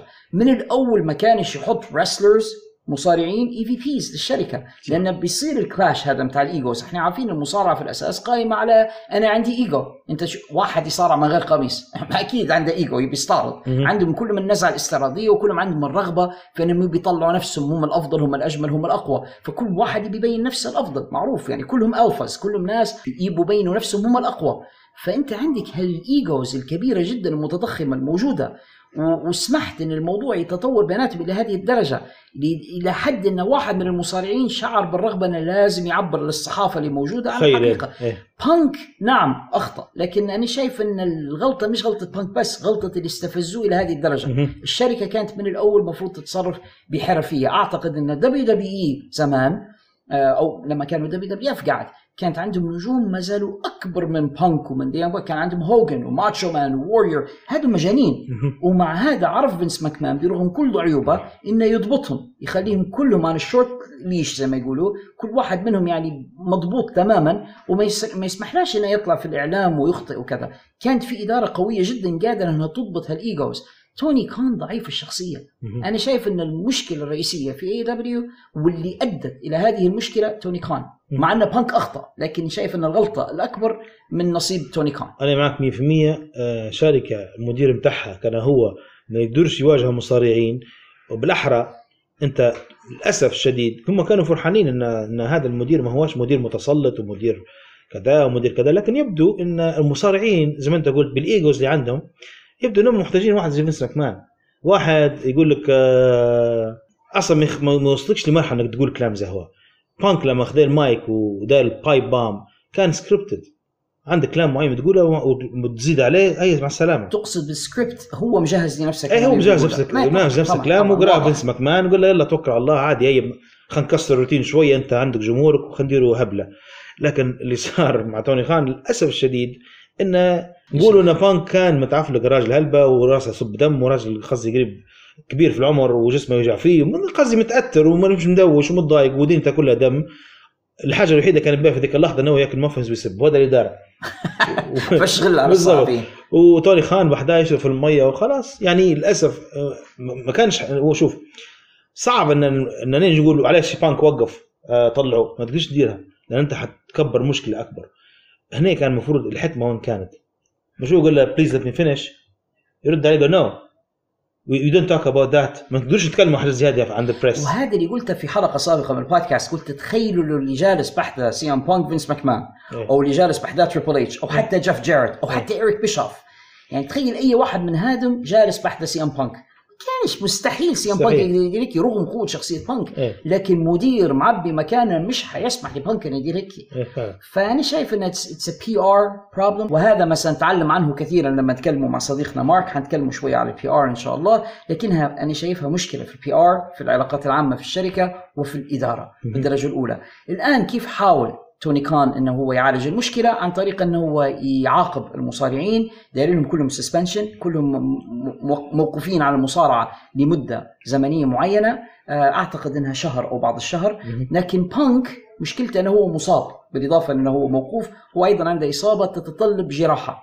فالأخبار اللي قريناها مؤخرا وهذه عمر صار فيها خلط كثير أنا حابب إني نغطيها معك هنا. تمام. إن في صحفي أمريكي مشهور اسمه ويد كيلر ويد كيلر يتكهن. توا هذا مش خبر هذا اعتقاده. أن سي إم بانك لن يعود إلى AEW أنه هو الفترة اللي حيحتاجها للنقاهة بعد الجراحة تأخذ من ستة إلى ثمانية أشهر. زائد فترة الإيقاف هذول تسعة شهور.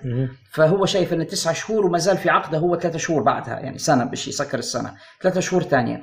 فويد كيلر يرى أنه لا جدوى من عودة بانك لمدة ثلاثة شهور فقط إذا كان لن يجدد وبالتالي هو يرى بأن AEW حيدفعوا له بقية قيمة العقد ويروح. السلامه للأسف الكلام هذا قاله ويد كيلر مرة أخرى ك speculation كتكهن كتوقع أخذوه بعض الناس تسمع فيه دائما أنا نهاجم في ال- إيه. في الصانعين المحتوى العرب للأسف يعني خذوه على أنه خبر أن بانك لن يعود وقالوا الكلام هذا.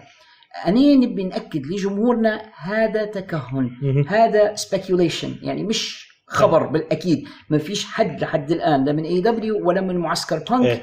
قالوا أن الكلام هذا بيصير. ربما يرجع. هو قد لا يعود لكن هذا ما يعنيش إن إن المصادر العربية بتاع الأخبار يكونوا هم على حق. هو قد لا يعود وقد يعود. لما يعود ذوك شو منظرهم بعدين المصادر العربية؟ زي زي منظرهم لما كانوا يقولوا قبل The First Dance لما بانك جاي في شيكاغو. كلهم كانوا يقولوا لا بانك رايح لسماك داون إحنا في البودكاست قلنا لا بانك حيطلع في اي في AEW في عرض رامبيج وكانوا مصرين. أنت تفكر قلتها في البودكاست قلت لو بانك ما جاش في AEW أنا ما عادش بنقدم. وأنا كنت عارف روحي عشان نتكلم يعني. فهم نفس الشيء. هم عبارة عن آه، مجرد إنهم يسمعوا كلمة ويفهموا نصها والنص الثاني لا وبعدين they make up the rest يعني مم. وانهم ي- يديروا الباقي. لكن قبل ما نسكروا ملف سي إم بانك يا عمر نبي ندير معاك يعني look back على مسيرة بانك في AEW. أنت كيف تقيم the year of Punk سنة بانك في AEW شايفها كويسة سيئة؟ شو رأيك أنت قبل ما نقول أنا رأيي؟ Okay. بالنسبة لبانك أنا كنت بكل صراحة نقول لك هيك مش هندس عليك. آه، بدايتها كانت very disappointing بالنسبة لي. تبي تعرف الأسباب علاش؟ لأن أنت ك... كنجم زي سي إم بانك. أنا مش محتاج كل أسبوع نلعب لمصارعين شباب وأنت مش تلعب لهم مش تدير لهم elevating ولا باش تطورهم ولا باش لا تلعب لهم باش تربحهم. يعني عرفت منهم من هو المصارع اللي ممكن يتعرض لمثل هذا السيناريو؟ مصارع مليح مثلا إيلاي دريك يجي لل WWE كل أسبوع على مدار سنة كل أسبوع يربح هو. Winning streak يربح يربح يربح يربح يربح مباريات بعدين بشوي شوي يوصل ال world titles الوضع اللي هو فيه حاليا. سي إم بانك آه أنا ناويك يا ديربي آلن. هو از ديربي آلن؟ هو از ذات بيرسون نقول لك من هو. هو عبارة عن شخص زبور يانج بوكس لأن هم يبوش نجوم كبار. جابوا هيك مخلوق آه، هيك غريب. وحطوا معاه ستينج الدرويش ذاك صدق إنه هو بيدفعوا به واصلا بيدفعوا له جايبين شخص مش معروف. وها وجسمه هزلي وعارفين الناس حتنتقده حاطينه هيك ودارين بوش بوش مش اوبسلي مش حتمشي أكثر من ال- الحزام اللي واخدة بتاع تي ان تي الفترة اللي فاتت. ف يعني تبدأ لي أنت على أساس إن انت ناوي الشاب وين وين- هو داربي آلن حاليا معلش وين؟ شو قاعد يدير؟ ما هو عمر أنت شوفها بطريقة ال video games مثلا. okay. انه بادي بالتدرج. أوكي. ال bosses اللي بيواجههم okay. مش كل مش حيواجه الأقوى من البداية. جميل. بانك started from the bottom حلو. من الاسفل وقعد يركب يتدرج وصولا لبطولة العالم. حلو. في س- في في سلسلة في streak من المباريات المقنعة. حلو. إن كل مرة الخص الخصم أقوى يواجه أقوى تمام، منه تمام. وهكذا. أعطانا بعض الذكريات الحلوة خلال جميل. الفترة هي. أنا مقتنع بكلامك ونأيدك 100% علاوي في نقطة إنه هو video game جو ال style بتاع video game okay معك. اولا آه، هي آه، إحنا مالناش video game ثاني حاجة هو ما هوش underdog اني يعني. هو Yes. هي he's a big star هو هو اللاعب العجوز العائد من اعتزال طويل وقاعد rusty وقاعد تعبان وكيف إنه هو يتطور شوية بشوية بالتدريج قاعد يرد في في لياقته قاعد يرد في في قدرته على الأداء في الحلبة.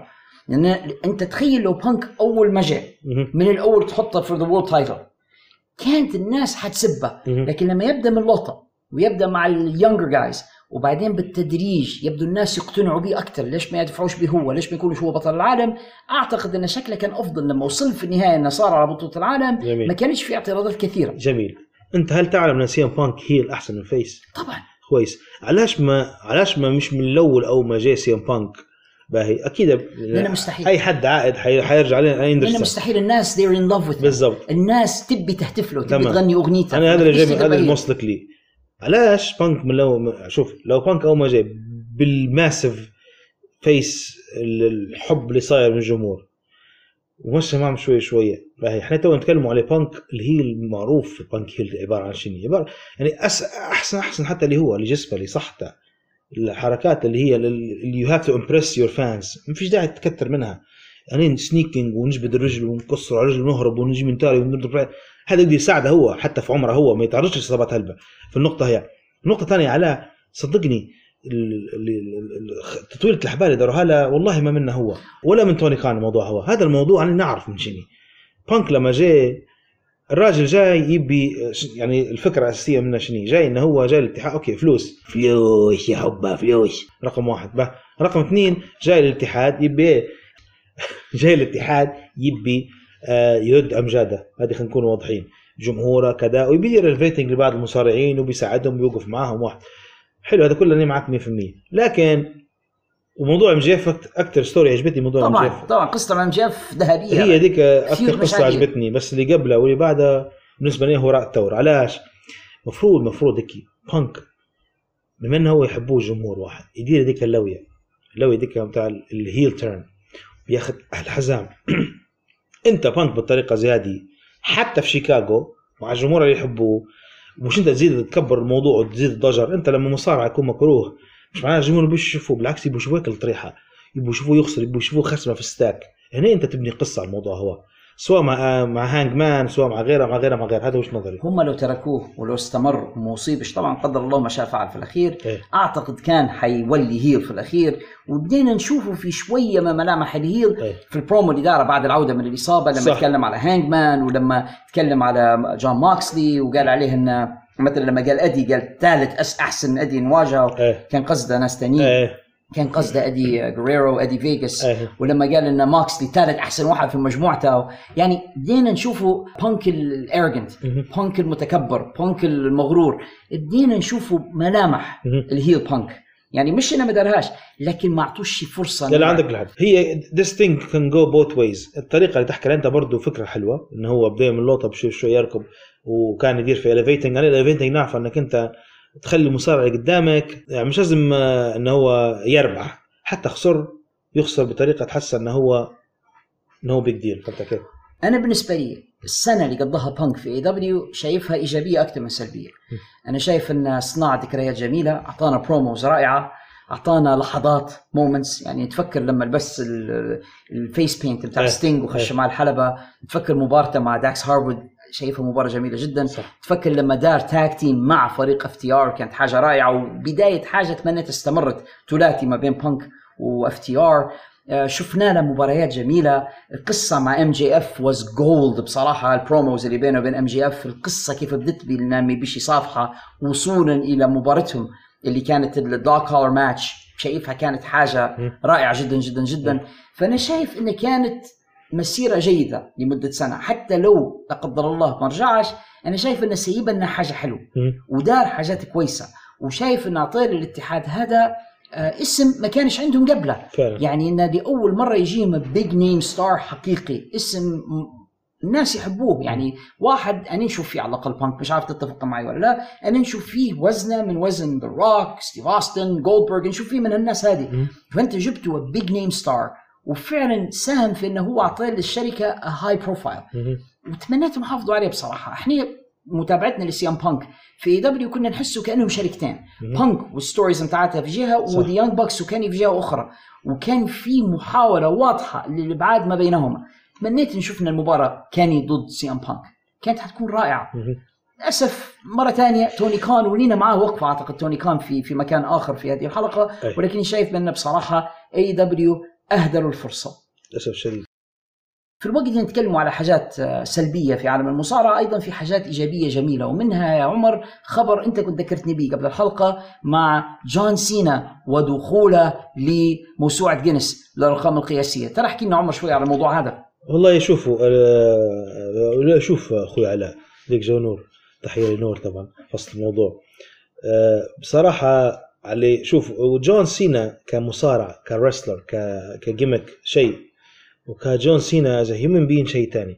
في كلمة قالها جيريكو قبل. قال باش إنك أنت توصل للمستوى المليح ضروري ما أنت يعني بالعربي لازم تعفس على ناس تعفس على روس باش توصل أنت للراس لازم تكون وقت قال. يعني لازم تكون واخد يعني مش بقولها بال- بالإنجليزي سبب بالإنجليزي. ولكن في نفس الوقت جميع الناس اللي تلاقت مع جون سينا وعرفت جون سينا ومن غير المصارعين حتى الناس اللي خارج المصارعة. قد يكون في الأول كان عنده إيجو وبعدين جات humbled يعني زي ما صار شون مايكلز توا فالراجل أغلبيتهم يقولوا بأن الانسان هذا يعني ك ك كجون سينا يعتبر إنسان طيب ولطيف وكذا. حتى كريس فان فليت قاعد يحكي قاعد درت مع meeting وكان meeting قال لي قال لي جون سينا شد لي ساعه قال لي 10 minutes ها اجتماعنا قال بعدين هذا فاتوا 10 minutes قلت له قلت له oh إحنا فوت 10 minutes قال شبح قال قال استمر استمر ما عندي وقت. قال كان لطيف معي مع إنه قال كان ممكن يمشي ويخليني يفوتني يعني. مش أنا مش حنزيد له ولا حنضيف له ولا حاجة. الراجل هذا حاليا دار آه، حقق 650 wish أو 650 عندهم حاجة في أمريكا Make-A-Wish اسمها Make-A-Wish أو حقق أمنية لطفل أو كذا. فجون سينا حقق 650 أمنية دخل بها ل Guinness World Records خش بها لموسوعة جينيس للارقام القياسيه وهذا بجديات شيء مشرف لعالم المصارعة بصفة عامة ولنا إحنا كمتابعين المصارعه وخصوصا W وإحنا كنا معاصرين جون سينا كنا معاصرين الشخص أنا فخور به جون سينا بصراحة وبرافو ليه يعني he's a good person هو إنسان كويس حتى لو لما كان مصارع ما كنتش معجب به inside the ring. ك wrestler كال technique بتاعه إيه. لكن كبني آدم وك positive person حقيقة جون سينا يثبت كل مرة إنه هو إنسان كويس فعلا وإنه هو يعني بصراحة مع محبتي ل CM Punk لكن هو عكس بانك في الموضوع هذا أي. إيجو منحي تماما إنسان متواضع إنسان آه، خلوق إنسان طيب يحاول إنه يساعد الجميع آه، متحمل في نفسه. فحق يعني آه، لقطة رائعة منه إنه يزور 650 طفل مرضى في مستشفياتهم وفي منهم يعني على فراش الموت ويحقق له أمنية ويجي ويزوره. لقطة جميلة منه جون سينا ونحييه عليها بصراحة. فعلا. أحد المصارعين الذين سيتم تكريمهم في الفترة الجاية أخونا عمر هو الأسطورة ويستحق كلمة أسطورة ريفن. Impact Wrestling حيدخلوه ال Hall of Fame بتاعهم إيه. ضمن عرض Bound for Glory المقبل هذا في في شهر في 7 10 أعتقد 7 10 Bound for Glory حيكون ريفن ال inductee إلى ال Hall of Fame الخاص ب Impact Wrestling السؤال اللي يعتريني ليش ما خش ال Hall of Fame بتاع WW نعطيك سؤال ثاني آه ليش آه ليش Ken Shamrock ما خش ال Hall of Fame بتاع W بس هذا ال question مش عارف آه، في ناس حقيقة مصارعين ممتازين لهم تاريخ Impact كرموهم أكثر ما WW يعترفوا بهم صراحة يعني. بالضبط. فريفن حيخش وريفن عنده مسيرة راهو. في Impact عنده مسيرة. حلوة راهو. اللي ما شافوش أيام TNA القديمة راهو كان أسطورة في TNA بالإضافة إلى مسيرته الرائعة في ECW في WCW حتى في WW كان صح كويس صح جدا. صح صح. أنا فرحان لريفن بصراحة يستاهل. آه، يستاهل ريفن ونتمنى نشوفه حتى في ال W Hall of Fame ريفن ممكن عنده بعض المشاكل لسانه على يد ويدي مهلبة ويعني داوي على تريبل اتش ده يعني يعني من النوعية اللي ما يسكتش يعني. زي زي فامبيرو ما يسكتش يعني. لوك لوك لوك وخلاص. بس ريفن أنا من المصارعين اللي نحب نشبحهم بيصارعوا ما نقولكش إنه هو technical ما نقولكش إنه هو ضخامه براك ليزنر ولا نقول لك إنه هو مثلا بال بال ب- ب- مثلا بمهارة ريكوشي الكلام هذا كله. لكن ريفن برضه عنده one of the best DDT finishers I ever seen يعني. التيم بتاعه ياخذ فيها fluently بطريقة مش عادية ممكن. ويستحق فعلا يخش. ريفن كمصارع كان كويس على ال promos كان ممتاز إيه. ال character بتاعه كان غريب وعجيب وفي نوع من الناس character unique كانت. هذه وحتى ك manager يعني مش مصارع يخش manager كان manager أنا أتفكر فيه كان راهو شخصيته كان اسمها أنا تفكر سكوتي بولو أو حاجة كان يس... مو في بولو في اسمه مهم. تفكر كان كان حتى مدير أعمال لفريق The Quebecers مهم. اللي صح. واحد منهم صديقنا PCO صح كنا درنا معاه لقاء في الحلقة 50 من البودكاست فكان ريفن هو مدير أعمالهم في فعلا. الفترة. وصار ممتاز للغاية. أنا سعيد إنه هو قدر يخش ال Hall of Fame عمر.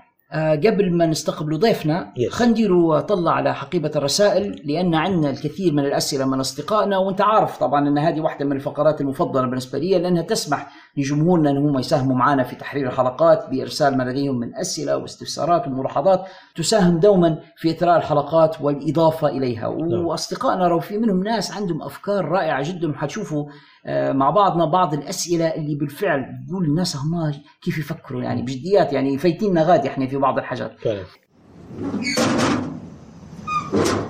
You've got mail. بالنسبة للأصدقاء دوما تستطيعوا أنكم أنتم تشاركوا في فقرة حقيبة الرسائل عبر ترك ما لديكم من أسئلة واستفسارات وملاحظات وانتقادات إلى آخره. في وسائل التواصل الخاصة بنا. إحنا عندنا حساب في التويتر وفي فيسبوك. بس دوروا على In the Ring في الحلبة. حتلقوا اللوجو المميز للبودكاست. في الأماكن المخصصة للمراسلة سيبوا لنا ما لديكم هناك أو مراسلتنا at contact us at out of the box.ly out of the box.ly هو الموقع الخاص بنا. لأن إحنا المجموعة بتاعتنا سميناها Out of the Box Media Productions وعندنا حتى بودكاست قادم إن شاء الله جديد. نبشر جمهورنا اسمه The Out of the Box Podcast جايكم قريبا إن شاء الله وهذه واحدة من المفاجآت القادمة من مجموعتنا لكن بالإضافة لذلك كل عمر ان نخلي في post في كل أسبوع في صفحتنا نطلب من المستمعين إنهم يسيبوا لنا الأسئلة وأقوم بالإجابة عليها في الحلقة التالية كما سوف نفعل في هذه الحلقة. بالضبط. خلينا نشوف أول سؤال معنا والسؤال الأول يأتينا من الصديق حسين عبد الله من طرابلس الليبية وسؤاله عن مجلة PWI وتصنيفاتها السنوية. قال لي احكي لنا عن تاريخ المجلة وبداياتها وكيف حصلت على هذا هذه الشهرة الواسعة ولو تكرمت اسرد علينا من حصل الترتيب الأول من آه بين الخمسين من عام 2010 حتى الآن ومن ترى أنه ظلم فيها طوال السنوات ومن ترى أنه استحقها السؤال هذا يا حسين يبي بودكاست بروحة وأشكرك عليه لكني بسرعة حنعطيك يعني فكرة سريعة عن الموضوع. بالنسبة لمجلة Pro Wrestling Illustrated انطلقت سنة 1979 وتعتبر أقدم مجلة ما زالت مستمرة إلى اليوم في عالم المصارعة. أسسها راجل اسمه ستانلي ويستن ستانلي ويستن هذا كان الناشر اللي كان يعد في جميع المجلات اللي كانت تطلع في ذاك العصر. The Wrestler Pro Wrestling Illustrated هناك الكثير من المجلات اللي كانت تطلع وكانت كلها kayfabe magazines كلها كانت تعتمد على ال storylines بتاعت المصارعة مش زي الشغل بتاع ميلتسر وويد كيلر يعني ما يعطوش في behind the scenes يعطوك القصص اللي صايرة في المصارعة. والمجلات هذه انتشرت في السبعينات والثمانينات لأنها كانت تعتمد على الصور الملونة. الناس كانت زمان ما تشوفش في في في مصارعة يعني في القنوات التلفزيونية ما كانش فيها زي تو قنوات كيبل. ما كنتش تشوف إلا المصارعة اللي في مدينتك. المجلة كانت تجيب لك أخبار المصارعة كلها يعني الاتحادات اللي ما عندكش access تشوفها تشوف صورها في المجلات. فلهذا السبب كانت منتشرة بشكل كبير. للغايه خاصة إن طباعتها كويسة ورقها الورق اللامع والصور الملونة وكذا. فلهذا السبب انتشرت بشكل كبير.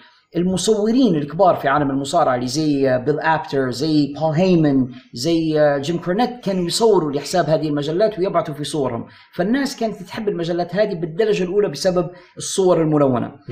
Pro Wrestling Illustrated من سنة 90 تقريبا بدوا في فكرة إنهم يديروا في تصنيفات سنوية يديروا في ال top 500 يبدو بترتيب أول إلى ال 500 يرتبوا في مصارعين العالم.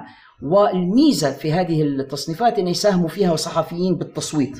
يعني يديروا في زي ال voting واللي يختاروا المصارعين وبعدين اللي يحصل أعلى vote يبدأ الترتيب الأول الثاني والثالث. ففيها نوع من المصداقية يعني لانها لأنها يتم التصويت عليها من قبل صحفيين متخصصين. لهذا السبب اخذت نوع من المصداقية ومع استمرار الجائزة من سنة التسعين إلى يومنا هذا. إحنا نتكلم على مدة يعني أكثر من 30 سنة والمجلة تعطي في التصنيفات هذه فأصبحت فيها نوع من المصداقية. وإن كانت في النهاية لا تعني شيئا يعني لأنها تعتمد على الكيفيب هذا بالنسبة للمجله وسبب الشهرة بتاعتها أنا بسرعة حنعطيك تقييمات ال top آه، ثلاثة. مش بس حنعطيك الأول حنعطيك الثلاثة من سنة 2010 إلى سنة 22 من جاب الترتيب الأول والثاني والثالث.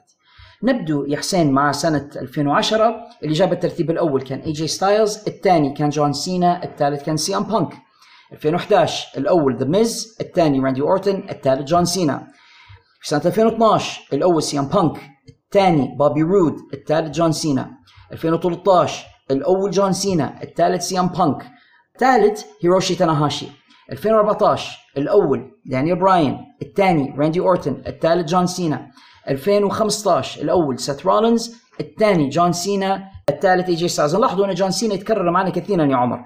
2016 الأول رومان رينز أول مرة تقريبا نسمعوا اسمه في التصنيفات الثاني كازيتشكا أوكادا الثالث فين بالر 2017 الأول كازوتشكا أوكادا الثاني اي جي ستايلز الثالث كيفن اونز 2018 الأول كيني اوميجا الثاني اي جي ستايلز الثالث كوزيتشكا أوكادا. 2019 الأول سيث رولينز الثاني دانيال براين الثالث اي جي ستايلز تو نقربوا الآن السنوات الأخيرة؟ سنة 2020 الأول جون موكسلي الثاني آدم كول الثالث كريس جيريكو السنة الماضية 21 الأول كيني اوميجا الثاني رومان رينز الثالث بابي لاشلي أخيرا هذه السنة 22 الأول رومان رينز الثاني كازوشكا أوكادا الثالث سي أم بانك. سألتني عن المظلومين.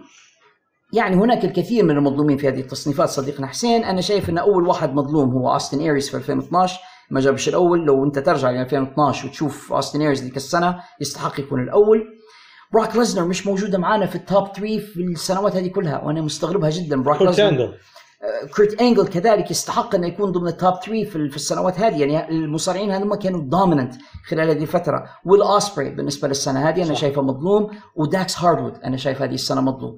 ختاما لسؤالك هذا يا أخانا حسين نبيك تعرف إن التقييمات هذه أحيانا تكون political أو سياسية. يعني مثلا السنة هذه آه، فضلوا أن يكون ال number 1 من ال WWE لأن السنتين اللي فاتوا كانوا ال number 1 من AEW فيبوش الناس يتهموهم إنهم هم في جيب AEW منحازين يعني. فما يبوش الاتهام بالانحياز زي ما قلت يا عمر بارك الله فيك. فاحيانا okay نعطوا لل WWE مش حنعطوا ل AEW من أجل إنهم يردوا الجميع. فالاختيارات أحيانا تكون سياسية وعندها دوافع أخرى غير الدوافع النقية ومش دائما صحيحة 100% شكرا لك يا حسين على هذا السؤال ال interesting واللي يبين إنك أنت فعلا متابع ممتاز لعالم مصارعه المحترفين. نجو للعضو الثاني في فريق ITR شقيق حسين التوأم حسن والذي يسأل. أنت قلت إن في رأيك العروض الأسبوعية لا يجب أن تكون مبارياتها خمسة نجوم وأنا متفق معك. ولكن في الآن نفسه لو كنت أنت الكاتب في AEW على ماذا ستقتصر العروض الأسبوعية من حيث البناء والمباريات؟ يعني حسن يبي يقول لنا يا عمر إن لو إحنا مش حنديروا five star matches في العروض التلفزيونية شو كنت أنا ممكن نعطي؟ أنا بسرعة حنقول شو كنت أنا ندير في التلفزيون وبعدين نبي نسيب لك أنت عمر okay. تعطينا أنت رأيك. أنا شايف إنك لما تعطي ال five star matches في التلفزيون أنت تضيع فرصة إن الناس تشتري pay-per-view فما تعطيهمش كل شيء دي معطيهم ما يكفي لتشويقهم وبعدين يقول لو تبوا تشوفوا المزيد يعني buy the pay-per-view فعادة الطريقة اللي تديرها WWE وأنا ميلها إنك ما تحطش الخصوم ضد بعضهم في نفس المباراة في ال- في ال free show لكن حط في tag team matches مثلا لو عندي بانك و MJF ما يمسوش بعضهم في العرض التلفزيوني لكن ممكن بانك مع tag team ضد MJF ومعاه حد ثاني في ال tag team ويتلاقوا في في مباراة تلفزيونية. الباقي كنت ندير build up ندير videos هيك مقاطع نوري بانك وهو يتمرن MJF وهو يتمرن آه، قصة بانك وهو طفل قصة MJF وهو طفل كذا. build up story lines نوريك التدريب نوريك كذا.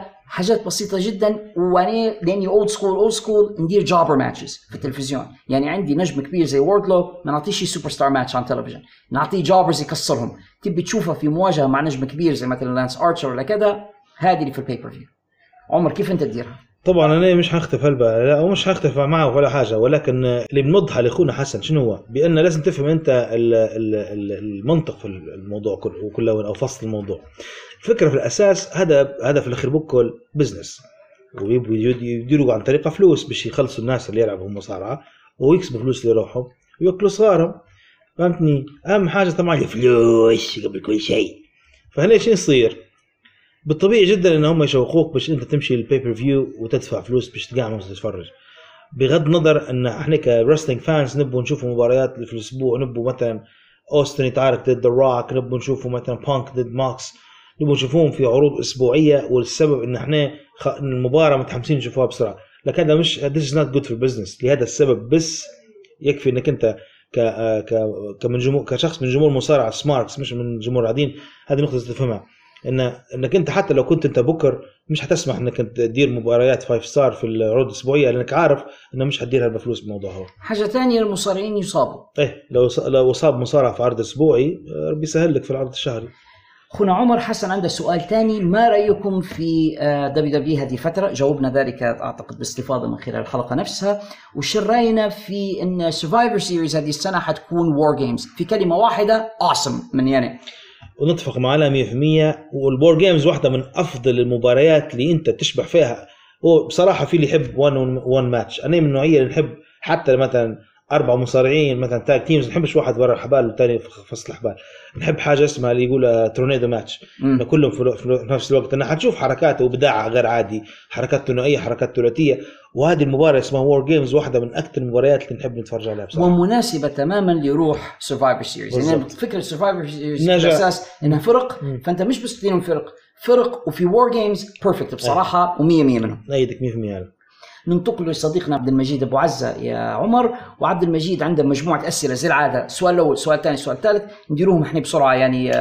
tornado round حنسأل السؤال. تأخذ أنت واحد وأنا واحد ونجاوب على صديقنا عبد المجيد من مدينة زليتن سؤاله الأول آه، ما رأيكم في جعل هانجمان منافس لموكسلي خصوصا بعد أحداث قصة بانك آه نتفق وما نتفقش. آه هانج مان ما نبيش موكس توا حاليا قطار. وهانج مان حيكون ال- ال- البنديتي اللي خاتم بالحصان بتاعه قدام القطار وحيسحنا أنا ما نبيش هانج مان يعني already تضرر من من بانك في مصدق خسر منه مصدق تهذب منه. ما نبيش ما نبيش يتواجه معاه توا. نبي بانك نبي هانج مان يتم بنائه بشوي شوي من جديد. مش بشوي شوي معناها ست شهور قدام. أربع خمس مباريات يربحهم clean وخلاص هذا نبيه أنا موافقك مليون في المية. شايف إن هانجمان آه، يبي يتعافى شوية من ال Punk effect اللي تعرض له بطريقة سيئة. بعدها شوية الفترة هذه آه، ابني له ال momentum بتاعه من جديد ابني له credibility أو مصداقيته عند الجمهور من ثاني وبعدين أدفع به من جديد. لكن تو في الوقت هذا حياخذ أنا وأحد من الناس ك CM Punk fan حياخذ مني كراهيتي بصراحة. هذا اللي يصير. فهذه حاجة اللي يعني شايف إنه من الخطأ وشايف إنه من الغباء من توني خان إنه عنده already number 1 contender مع MJF وبداير هانج مان أيضا number 1 contender at the same time it doesn't make sense يعني. ومرة أخرى يعني آه، وحنتكلموا بعد شوية على على توني في واحدة من الأسئلة الجاية. آه، سأل قال شن دور MJF وليش لتو ما تحداش على اللقب مع إنه عنده الفرصة؟ MJF بعد ال- الموضوع بتاع اللي رجع منه حاليا. أنا نقدر نقول لك حاجة واحدة بس. MJF بعدوه برضه بعدوه عليه. أنا ماذا بيا نشوفها مع فكرة مع بانك لكن بانك انتهى انتهت بعد البناء اللي داروه كله انتهى كل شيء بين بانك وبين MJF للأسف الشديد. MJF المفروض في الوقت الحالي لو إنه هو بيحصل بوش ضروري ما نفس الشيء اللي صار لهانج مان يزيدوا يكبروه بشيء وشيء رغم إنهم تواجهوا في الحلبة ويعني تواجه مع ماكس في الحلبة وهرب وإلى آخره الهباله بتاعه. لكن ما زال ماكس فقد الحزام آه، خسرة وخداه آه، خسرة وخداه وخسرة وخداه قصدي قصدي أعطوه شوية حتى شهرين ثلاثة. يعني حتى مباريات اللي تصير توا ما نقولوش إنه هو بدي كيو ولكن طولوا شوية في حملة الحساب الحزام لجون ماكس هذا وجهة نظري. سؤاله الثاني آه، شو رأينا في فوز جيريكو بلقب حلبة الشرف؟ وهل نشوف أنه حيضيف شيء للقب أو أن اللقب حيضيف لجيريكو؟ السؤال اللي يطرح وين حلبة الشرف هو بالضبط؟ هل هو حزام هل هو اتحاد؟ هل هو آه هو المفروض أن توني شاري Ring of Honor لكن ما فيش كيان حقيقي الآن اسمه Exactly. Ring of Honor ما فيش لقب بس اسمها آه، اسمها Ring of Honor World Champion جيريكو حيضيف الحزام أكيد. جيريكو حتى اللي مسيرته هو كويس الحزام آه، ما نقد- ما نقدرش نقول لك لا يستحق الفوز. في نفس الوقت ما نقدرش نقول لك يستحق الفوز. أسبابي واضحة. آه، اللقب أصلا أنا آسف جدا لكل من يسمع فيه اللقب ماليش أي معنى. ما فيش اتحاد حاليا. عبارة عن حزام يتصارعوا عليه. زي ما داروا ال FT الحزام هذاك بتاع F F FTW مثلا. شنو هو؟ ممكن مش لدرجه FT مش نقصد هكي فهمت فهميش غلط. نقصد إن الحزام ماليش اتحاد. عبارة عن حزام وخلاص. هي خدنا شيء الاتحاد من الحزام بنلعبوا بيه. تقول واحد شاري كورة من مش عارف خدها مق... ميسي مقال عليها بيلعب بها. هذا هو حاليا. هو بالنسبة لي يعني جوابي على السؤال أنا شايف أن لا جيريكو لن يضيف إلى هذا الحزام شيئا. الحزام هو اسمه Ring of Honor يعني المفروض أنه الشرف جيريكو فاز باللقب عن طريق الغش من الأول. جيريكو أنا أعطيته اسوء مصارع العام آه، 21 يعني كان في تقييمي أنا بالنسبة لي The In The Ring Podcast شايف إنه بطيء ما عادش مصارع الكويس اللي كان عليه حتى من خمس سنوات ما يقدرش يضيف إلى Ring of Honor في رأيي أنا. وأعتقد إن إعطاء الحزام كان خطأ بصراحة هو لا يضيف إلى هذا الحزام في نظري. الحزام نفسه زي ما قال عمر في وضع سيء كون انه ما فيش اتحاد له أساسا آه، لا جيريكو يستفيد ولا Ring of Honor يستفيدوا إلا شيء واحد بس إن جيريكو بيقول إن أنا فزت بحزام اتحاد يعني ما ما فزتش بيه قبل. لكن الحقيقة جيريكو ما لعبش اتحاد Ring of Honor يعني لما كان Ring of Honor في أيام عزها لما كان في Ring of Honor جيريكو عمره ما صارع فيها. فما بديش نعتبره فاز ببطولة Ring زي of فينس Honor ماكمان لما خذ الاي سي دبليو تايتل نفس الشيء بالضبط. ما لهاش أي معنى في نظري يعني. بالضبط. يسأل من وجهة نظرنا شنو الشيء المناسب القادم للصاعد ريكي ستاركس؟ شنو الحاجة المناسبة لريكي ستاركس باش يولي نجم يعني؟ كيف نقدر ننجمه ريكي ستاركس؟ تبي تاخذ وجهة نظري؟ طبعا. أول حاجة إحنا هدرزنا من بكري هلبة على مسيره سي ام بانك. وأنا شبهتها بمسيرة إيلاي دريك. تمام؟ قلت لك انه المفروض يلعب مجموعة مصارعين step by step step by step لأنه هو يوصل مرحلة اللي هي مرحلة إنه okay let's put some gold on his shoulders هذه هي. انك انت تبدأ تبني فيه وماذا بيك بما ان إحنا من افترضوا مثلا الاتحاد اللي بيلعب فيه هو. باهي ضروري ما انت تحطه قدام خصوم credible أكبر منه في الحجم.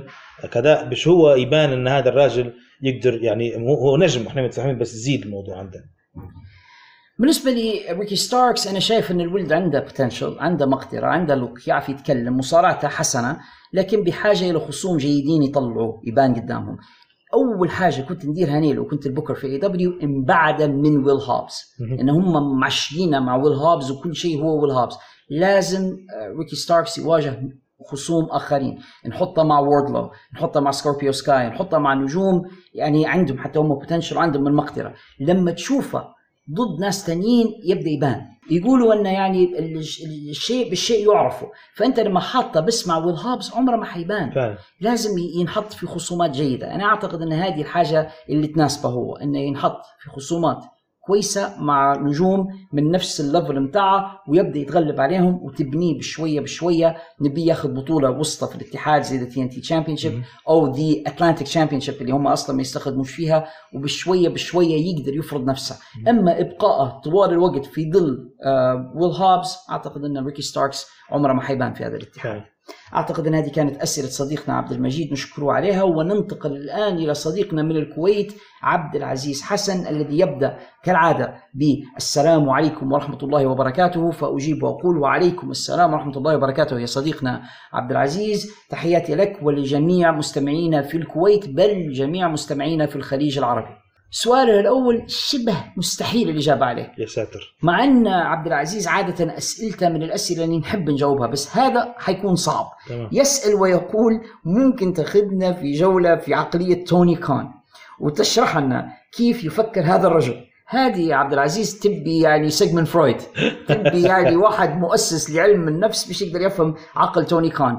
أو يبي واحد عنده الفيزياء الكمية ويقدر ينزل لأنه هو ما فيش عقل أساسا في راس توني كان باش نقدر نخشوا له. يعني أنت تبي تخش في فراغ الفراغ باش أنت تعرف إنك أنت تفهم شنو داخل هذا الراس الفارغ يعني. لكن على حال ولماذا لا يسمع نصائح الناصحين ومن يريدون الخير لاتحاده؟ ولماذا في رأيكم لا يجلب كتاب متخصصين في السيناريوهات ويساعدونه في توظيف المواهب بالشكل الصحيح. بكل بساطة يا عزيزي الإنسان هذا ما عندهش خبرة وما عندهش شخصية. هذا نقطتين أساسيتين في في المخلوق هو. الخبره ما فيش الشخصيه ما فيش. بما أن زوز ما فيش ويعتقد لو هو يعتقد إن عنده خبرة والشخصيه يبقى لازم نبدأ معاه من الزيرو. لأن ما هو زوز ما عندهاش لو يعتقد عنده معناها هو ما يبيش حد يساعده ولا يبي حد يدعمه. بالنسبة لي إجابتي ببساطة يا صديقنا عبد العزيز وأشكرك على هذا السؤال الطريف والمميز. طبعا كلام اللي قلته في البداية مجرد مسحة معك بس بالعكس أنا سعيد بهذا السؤال. مشكلة توني كان أنه هو ابن ملياردير ومدلل.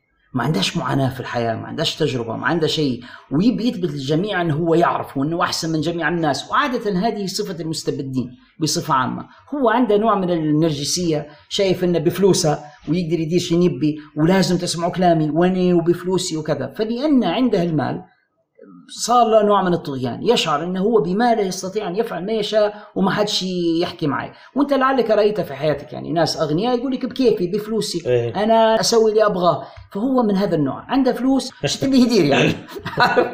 سامحوني بس هذا الواقع اللي حصل. بفلوسه وبيدلنا كلنا وأنا فاهم وأنتم مش. فاهمين. ومش حنجيب لا فينس روسو ولا جيم كورنت ولا حد من هذا ولا حنعدل عليهم. أنا بفلوسي أحسن منهم كلهم. أعتقد إن هذا هو التفسير البسيط لظاهرة توني كان. سؤاله الثاني هل توافقني إن شينا با- بازلر مظلومة في ال WW وأنه يجب تحويلها إلى شخصية متوحشة وتحصل على اللقب لفترة طويلة؟ وهل تؤيد ذهابها لاتحاد AEW في المستقبل؟ أنا لا نؤيد أي حد يمشي لل AEW في لا- المستقبل القريب ولا البعيد. الا حد ما نديروا حل للسؤال اللي قبل سؤالك اللي قبل هذا. شينا بالفعل شينا محتاجة إن هي تحصل push و push تكون كويسة. وعلى فكرة تريبل اتش ما دام تريبل اتش موجود حاليا أنا متأكد ان هي حتحصل ال push بتاعها لأنه هو من المؤمنين بوجودها وشخص سعيد جدا باش هو يجيبها في الاتحاد. أنا موافق آه، أخوي عمر في الكلام الذي قاله. شينا بازلر مصارعة كويسة ولكن لا ننسى سنها راهي كبيرة شوية في إيه. السن مش يعني كما يبدو عليها راهي في الأربعينات. فلعل هذا السبب من الأسباب اللي يخلي WWE ما يبوش يدفعوا بها لمدة طويلة، قد أكون مخطئ لكني عارف أن WWE يميلوا عادة لما المصارع يفوت حاجز ال 40 انهم ينقصوا ال push بتاعه يعني خافوا من الإصابات من الإصابات من أشياء زي هذه. فربما هذه أحد الأسباب الظلم اللي وقع عليها. هي مصارعة ممتازة بالفعل و MMA fighter وعندها background حتى في الفنون القتالية. وتنفع انها تكون الوحش يعني زي ما تقول ال female بروك ليسنر لكن هل سنها يسمح هذا هو السؤال. أما ذهابها إلى AEW فنو أنا لا اؤيد ذلك. أنا شايف إن الأفضل إنها تكون بادي جارد لروندا راوزي أو bodyguard ل heel يعني بنت.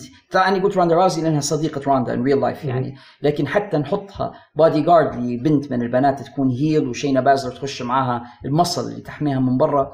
مش شايف إنها تنفع تكون الآن champion for long term بسبب ال- النقطة اللي قلناها وأيضا لأنها مش كويسة جدا على المايك يعني. She's not a good talker صح. ال heel لازم يكون متكلم كويس يعني وهي ما عندهاش هذه الميزة. لكن ذهاب ال AEW حيكون نهايتها مش حيعرفوا يستخدموها اطلاقا ولن يفهموها. سؤال عبد العزيز الأخير يا عمر طريف للغاية وجيم نبغى نلعبوه معاه قبل ما ننتقل لضيف حلقتنا اللي يستنى فينا على الخط. اللعبة التي عرضها علينا صديقنا عبد العزيز قال لو عرضت عليكم أن تديروا عرضا بعنوان حرب الولايات War of the States. أنا أنا نسميها Civil War أحسن الحرب الأهلية. باي. وطلب منكم أن تشكلوا عدة فرق بشرط أن تكون أعضاء الفرق كلهم من نفس الولاية. فما هي الفرق التي سوف تشكلونها؟ بعض الشروط المتعلقة بتشكيل الفرق. قال أقل عدد من الفرق المسموح بتشكيلها فريقان. يعني ما يديروا فريق من ولاية واحدة. على الأقل اثنين. وكل ما زاد العدد زادت المباريات واشتدت المنافسة وزاد حماس الجمهور. به الشرط الثاني. عدد أعضاء الفريق الواحد لا يقل عن أربعة مصارعين ويمكن إضافة مدير أعمال أو مصارعين مرافقين يساندونهم خارج الحلبة بشرط أن يكونوا من نفس الولاية. يعني لازم مثلا كلهم من تكساس أو كلهم من كذا يعني. الشرط الثالث في حال اختيارك لولاية لا يوجد فيها عدد كافي من المصارعين الجيدين لإكمال عدد أفراد العصابة. لا هذه معروفة عندهم كلهم ولايات معبية آه، يمكنك إضافة شخصيات من المشاهير لاعبي سلة football تنس هوكي ممثلين سينمائيين مشاهير من السوشيال ميديا إلى آخره. وإذا لم تجد وإذا لم تجد هذا كله سنضطر لإضافة جو جابر في هذه الحالة. ولا حاجة لذكر اسم الجابر اللعبة حلوة جدا. وبعدين هو سأل يعني في نهاية السؤال قال آه، أعطينا منو أكثر ولاية أنت شايف أن منها نجوم ومنها كذا. حنبدو في إجابة هذا السؤال بالجزء الأخير منا يا صديقنا عبد العزيز وأشكرك على هذه الأسئلة الرائعة جدا وراك أنت تكبر بينا وترفعنا في القدر كل ما ترسلنا من هناك من الكويت. شخصيا يعني هذه واحدة من الحاجات اللي تفرح فيها كثيرا وتحسسني في يوم البودكاست العالمي بأن البودكاست بتاعنا وصل يعني. فأشكرك كثيرا وأشكر من خلالك كل المستمعين في كل مكان من العالم. أكثر ولاية في الولايات المتحدة أنا أرى أن منها مصارعين تكساس. فعلا. تكساس يعني تقول منجم للنجوم. فعلا. المكان الثاني اللي أنا شايف أن منها نجوم كثير مينيسوتا منها حتى هي عدد كبير. لكن الولايات ال- الأمريكية بصفة عامة فيها professional wrestling أنا من أجل سؤالك هذا يا صديقنا عبد العزيز درت لك لستة ببعض ال- ال- الولايات ومصارعيها المشاهير. حنبدا من ولاية تكساس حنسمي بعض الأسماء وبعدين أنا وعمر حنشكلوا الفريق يعني اللي نبغى نديروه من تكساس عندنا طبعا ستون كولد ستيف اوستن يا سلام. شون مايكلز يا سلام. عندنا كيري فون ايريك اللي هو Texas Tornado تيد ديبياسي the Million Dollar Man عندنا اندرتيكر عندنا تولي بلانشارد عندنا بوكر تي ايدي غيريرو تيتو سانتانا ستان هانسون أعطيني منهم ما ترى منو اللي أنت من التشكيلة؟ أعطيني فريق من أربعة. Well obviously حنبدأ بستوك ستيف اوستن طبعا أندرتيكر اندرتيكر وشون مايكلز وليش أربعة ولا هم؟ أربعة وطبعا ما عاصرتش كيري لكن بنختار بوكر تي بوكر تي okay و- وكويس الأربعة يعني من عصر متقارب يعني عصروا بعضهم هم. فريق ممتاز. حنزيدهم أنا آه، ك manager حنعطيهم بروس بريتشارد. يكونوا معهم برا ك- ك manager تاعهم يجي في شخصيه Brother Love it's dream أعتقد فريق مش طبيعي بصراحة. هذا فريق تكساس. نشوفه مع بعض مينيسوتا. مينيسوتا منها على سبيل لا الحصر. عندنا مستر بيرفكت عندنا هوك وانيمال هم اثنين بتاع فريق The Road Warriors عندنا ريك عندنا شون والتمان اللي هو إكس باك ولا 1 2 3 كيد عندنا جيري لين عندنا بوب باكلاند واحد من الأساطير في السبعينات بالذات. تشاد جيبل من مينيسوتا. وعندنا بروك ليسنر هذه بعض الأسماء من مينيسوتا. عمر أعطيني من هادم فريقك. طبعا لاحظ إنهم من عصور مختلفة. إيه. وصديقنا عبد العزيز ما اشترطش إنهم يكونوا من نفس الزمن. إيه. مجرد dream match وخلاص. ف dream match. فأعطيني ترى أربعة من مينيسوتا. أنت تشوف إنهم ينفعوا يكونوا team مع بعض. obviously the new version of كيرت انجل حناخذ تشاد جيبل حناخذ okay. مع بروك ليسنر مهم. حناخذ معهم آه شون آه شون والتمان إكس باك okay ومن في تاني عندنا آه لا إله إلا الله. عندك بيرفكت عندك بوب باكلاند عندك ريك رود عندك يعني هنقوله مستر بيرفكت أنا نفضل باكلن ونفضل مستر بيرفكت مستر بيرفكت أنت عندك أربعة. أربعة يس. أربعة وحنعطوهم مدير أعمال بابي هينان اللي هو من اساطير مينيسوتا باي ذا واي ملاحظة بس إن مستر بيرفكت وبراك ليزنر أصحاب هالبرة أصدقاء هالبرة بعدين تعاركوا ال- العركة هذيك. هذيك جو جو جو فروخ مش تعاركوا تعاركوا. كان- كانوا منافسة لكن هم أصحاب هو بيرفكت اللي اكتشف براك ليزنر أساسا إيه. وجاب للدبليو بالضبط أنا بالنسبة لي ممكن أختلف معك شوي في الفريق مع ان فريقك أنت ممتاز لكن يعني اولد سكول وكذا. فأنا حنرجع لل يمينك إيه. حنقول لك مستر بيرفكت okay و Legion of Doom الزوز the Road Warriors أوه. Hawk and Animal. والمدير اعمالهم حيكونوا حيكون بوبي هينان طبعا واحد يقول لي ليش ما جبتش بروك ليسنر مش عارف بس أنا لأن هذا العصر إيه. اللي نحبه أكثر شيء تمام. آه أنا حنضيف يا عبد العزيز للولايات الأمريكية حنضيف كندا لأن كندا وإن كانت مش ما ولايات يجيش متحدة، لازم- كندا بس كندا لازم معانا يعني وكندا وأمريكا قريب حاجة واحدة يعني ففريق كندا أنت عندك بريت هارت عندك أوين هارت عندك ايدج كريستيان روبرت رود لانس ستورم كريس جيريكو نزيدكم ولا ياسر كيفن أوينز سامي زين. فبصراحه صعب. يعني لما لما وقفت قدام فريق كندا قلت هذه لازم نعطوها للمايسترو. إيه. عمر وزيري تشكيلة رائعة من كندا.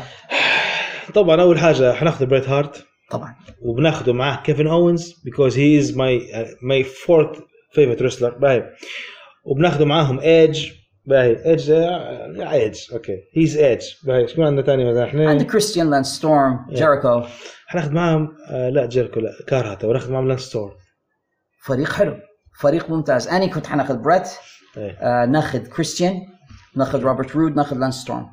لكن يو كانت جو رونج مع. كندا يو كانت جو رونج آخر ولاية حنستخدموها وراه وأنا كنت جهزت الكثير. بس بس لأن دواعي الوقت ولأن الراجل يستنى فينا على الخط. إيه. فآخر واحد حناخذوه معنا اللي هو ولاية تنسي. ومن تنسي عندنا سيد فيشس عندنا جيف جاريت عندنا جيري لالر عندنا جيمس ستورم عندنا هونكي تونك مان. منو من هذا مدير فريق؟ سيد فيشز طبعا. آه مستحيل جيري لالر طبعا. لأن ممكن كان اخترتها من جماعة من التنظيم يكون أفضل. نقولوا سيد فيشز نقولوا آه جيف جاريت طبعا جاريت باهي. ونقولوا آه جيمس ستورم جيمس ستورم. غير نقاش. باهي. و آه، عندك هونكي تونك مان وعندك جيري لالر ناخذ هونكي تونك مان جيري لالر أنا شوف okay تمام هو جت فترة. خذ هونكي في الأخير بكرة هونكي تونك مان he looks like wrestler جيري لالر المنظره معلق طولي كذا نص خلاص وحنحطوا معهم manager جيمي هارت. Mouth of the South أوه ممتاز. نقدروا نمشوا باللعبة. هي بودكاست بروحها. إيه. وأنا شاكر عبد العزيز لأن السؤال فيه lot of thought واضح أن الرجل مهتم وفعلا يعني بذل مجهود من أجل يلقي علينا السؤال فعلا. متفنن. فأنا شاكر عليه. كثيرا جدا. ونوعدك إن شاء الله إن نلعب المزيد من مثل هذه الألعاب في بودكاست في الحلبة. وبالعكس أنا نشجع بقية الأصدقاء اللي يسمعوا فينا يبعثوا لنا حاجات زي هذه. اوكم زي ما أنتم شايفين. إحنا مستعدين نسيروكم في هذه الأفكار بس ابعتوها ومن المايسترو نقول لكم حاجة. لو تم اختيار فريق معين لأكثر من شخص حنخدموا graphics ليه وحنديروا مباراة مثلا. هذه مجموعة ضد هذه المجموعة. ونديروا الاتحاد اسمه In The Ring الناس اللي متردده اللي هم ال long time listeners لكن ما يبوش يراسلوا البودكاست حقيبة الرسائل مفتوحة تستنى فيكم تقول لكم feed me more أنتم. غير أبعتوا وليكم علينا بإذن الله إن نجاوب جميع هذه الأسئلة في فقرة حقيبة الرسائل وتو أعزائنا المستمعين ننتقل إلى ضيف هذه الحلقة السيد مارك كروسكل من هو مارك كروسكل حنتعرفوا عليه خلال الحوار التالي We're joined now by Mr. Mark Kruskal from MJK Public Relations. Mark, it's a big honor to have you with us today. Well, I'm pleased to be here, my friend. Uh, we've communicated so much, and finally, I get to see you face to face. And uh, I really appreciate all your support through the years. And uh, we finally get to do this. We finally got to, and the honor is all ours. Let's start from the beginnings. Were you a wrestling fan as a child growing up? I was absolutely a wrestling fan. I grew up in Chicago. Um, it was before, long before I knew anything about what the territory system was. I thought, this is wrestling. And I grew up with Dick Bruiser and the Crusher, Bobby Heenan when he was managing the Blackjacks. Um, Larry Hennig, Harley Race, um, all those folks um, from that area. From what I learned later, they also did Indianapolis and Detroit, and they were part of that whole territory. Um, so that was fantastic. I remember the only thing I knew about wrestling in other places is when I'd buy the wrestling magazines and I would read them on my way to my orthodontist, and I would put it down before I went to my appointment, and he would look at it and laugh. And uh, here I am um, for about the past maybe 15 years or so doing PR in the wrestling business. Um, I either can't or didn't learn or whatever to do a drop kick or have a finishing move, but I'm able to work in the industry of my dreams. Um, I've done that a few times, so I've been very lucky. I always wanted to be a radio disc jockey. I became a radio disc jockey. I wanted to work in the wrestling business. I'm attached in my little way to the pro wrestling business. Um, entertainment's always been a thing. So for the past four years or so, I've been a background actor. So um, dreams come many true. people, yeah, many people never get to do any of their dream jobs. I've been fortunate to done three of them. Wow. And we've been fortunate to talk to you. Uh, so, a- a- as a child, who were your favorite wrestlers? Stars that Um, you liked watching? like I said, I mean, I bought into it. I wasn't like these cool um, fans now who love the bad guys. I like the good guys. I like Bruiser and Crusher, and horrible, horrible, hated Baron von Raschke, dastardly Bobby Heenan, and the Blackjacks cheating all the time, and then eventually, hopefully, they got their comeuppance. But they were they were the ones. I mean, you've seen what I post on Facebook and what I share, and those those were the times. Um, although I did really get tired of Vern Gagne winning all the time, but it was a different time when the champions, especially if they owned the territory, they stayed champion for a very very long time. They did. thi- yeah, things are quite different now, but I knew what I knew, which wasn't anything. And um, maybe this will kind of segue into or precursor to what may, what we may talk about later.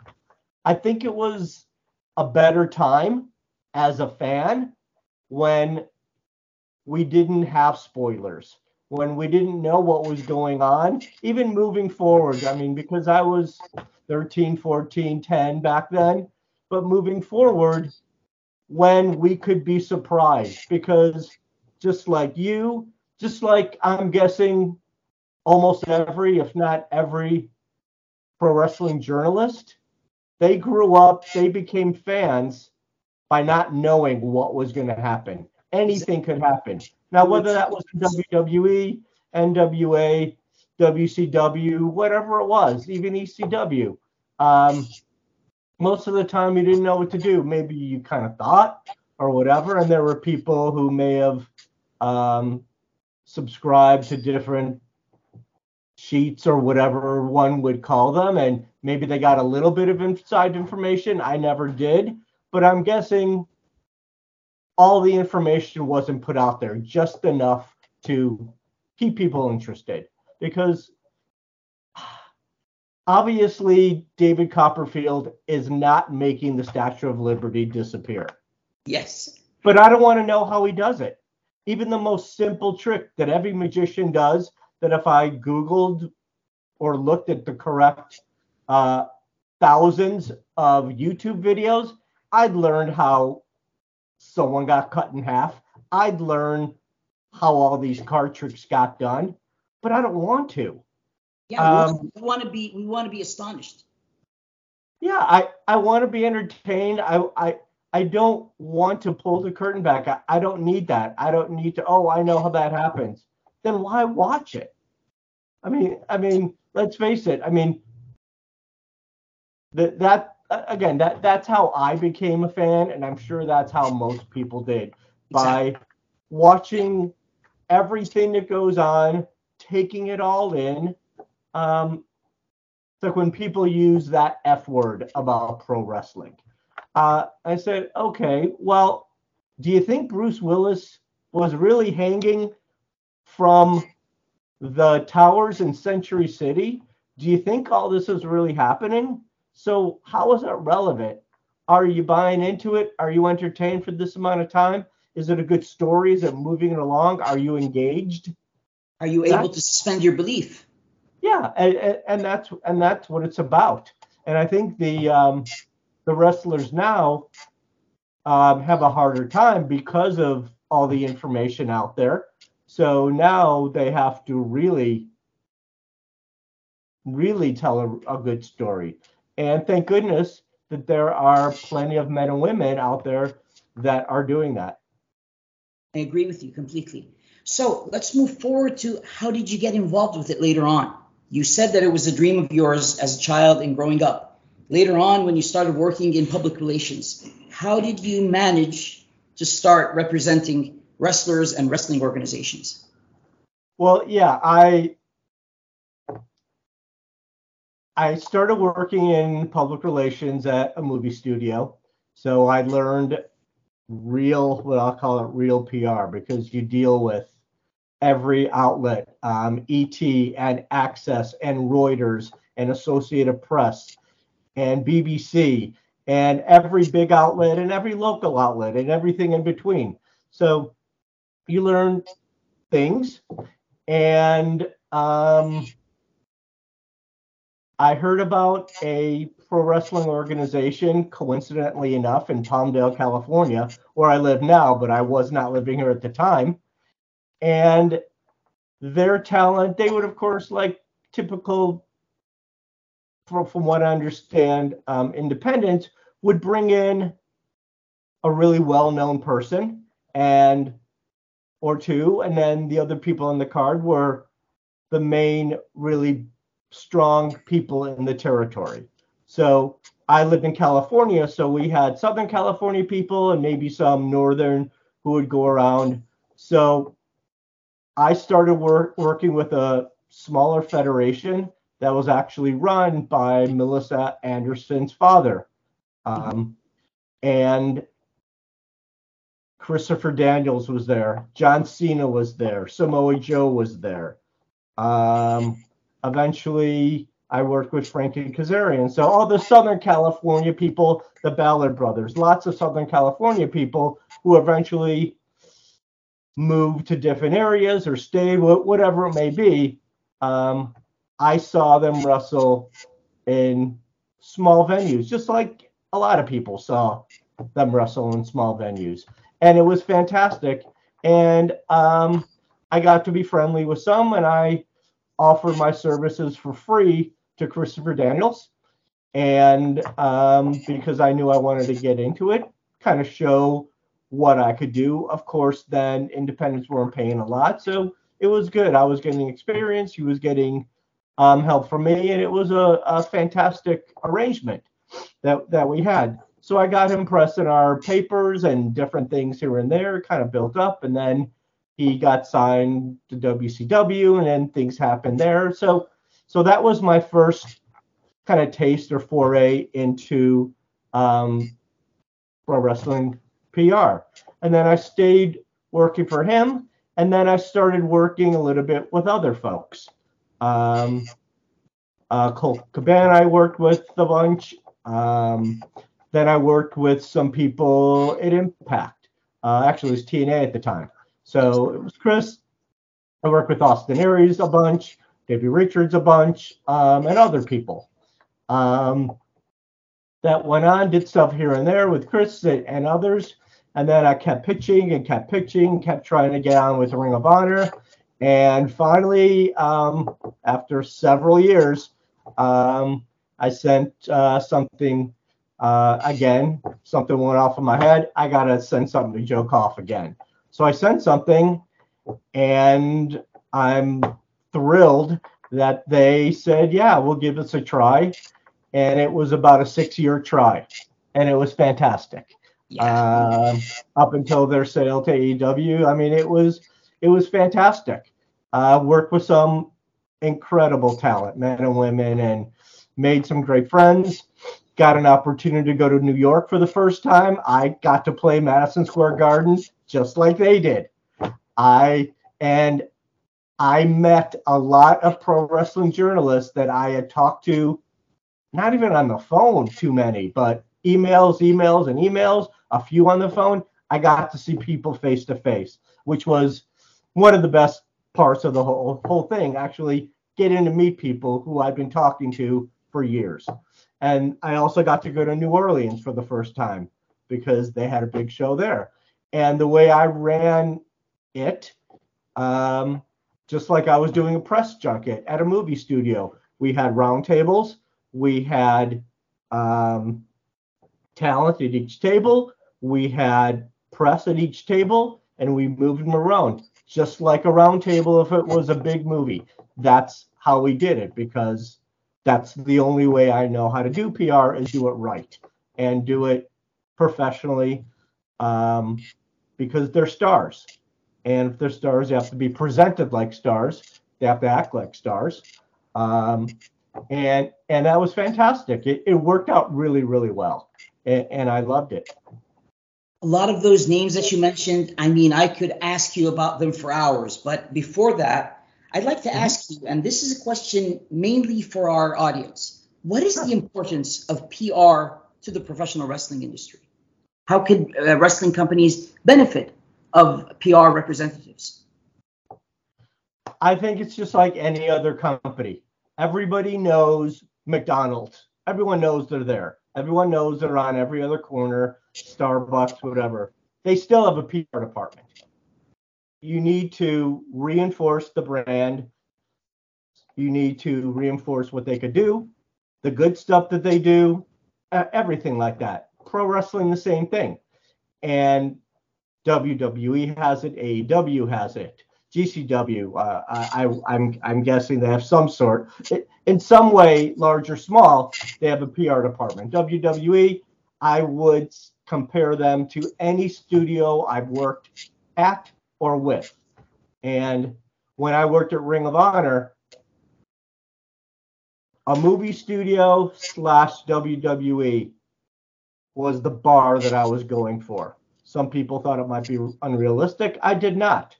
Um, if I saw, I mean, I wanted to do things, and especially if I saw WWE do something, I said, we're going to do it. I'm going to do it. And as a team, not solely me, because it takes a lot of the pieces to work together, um, we visited a lot of children's hospitals because that's a big thing. I community outreach is really important to me. That's the best part of my job. Um, and it's not in the job description. It's not something they tell me, okay, you have to do this, this is what you're going to do. No, that is just what I like to do.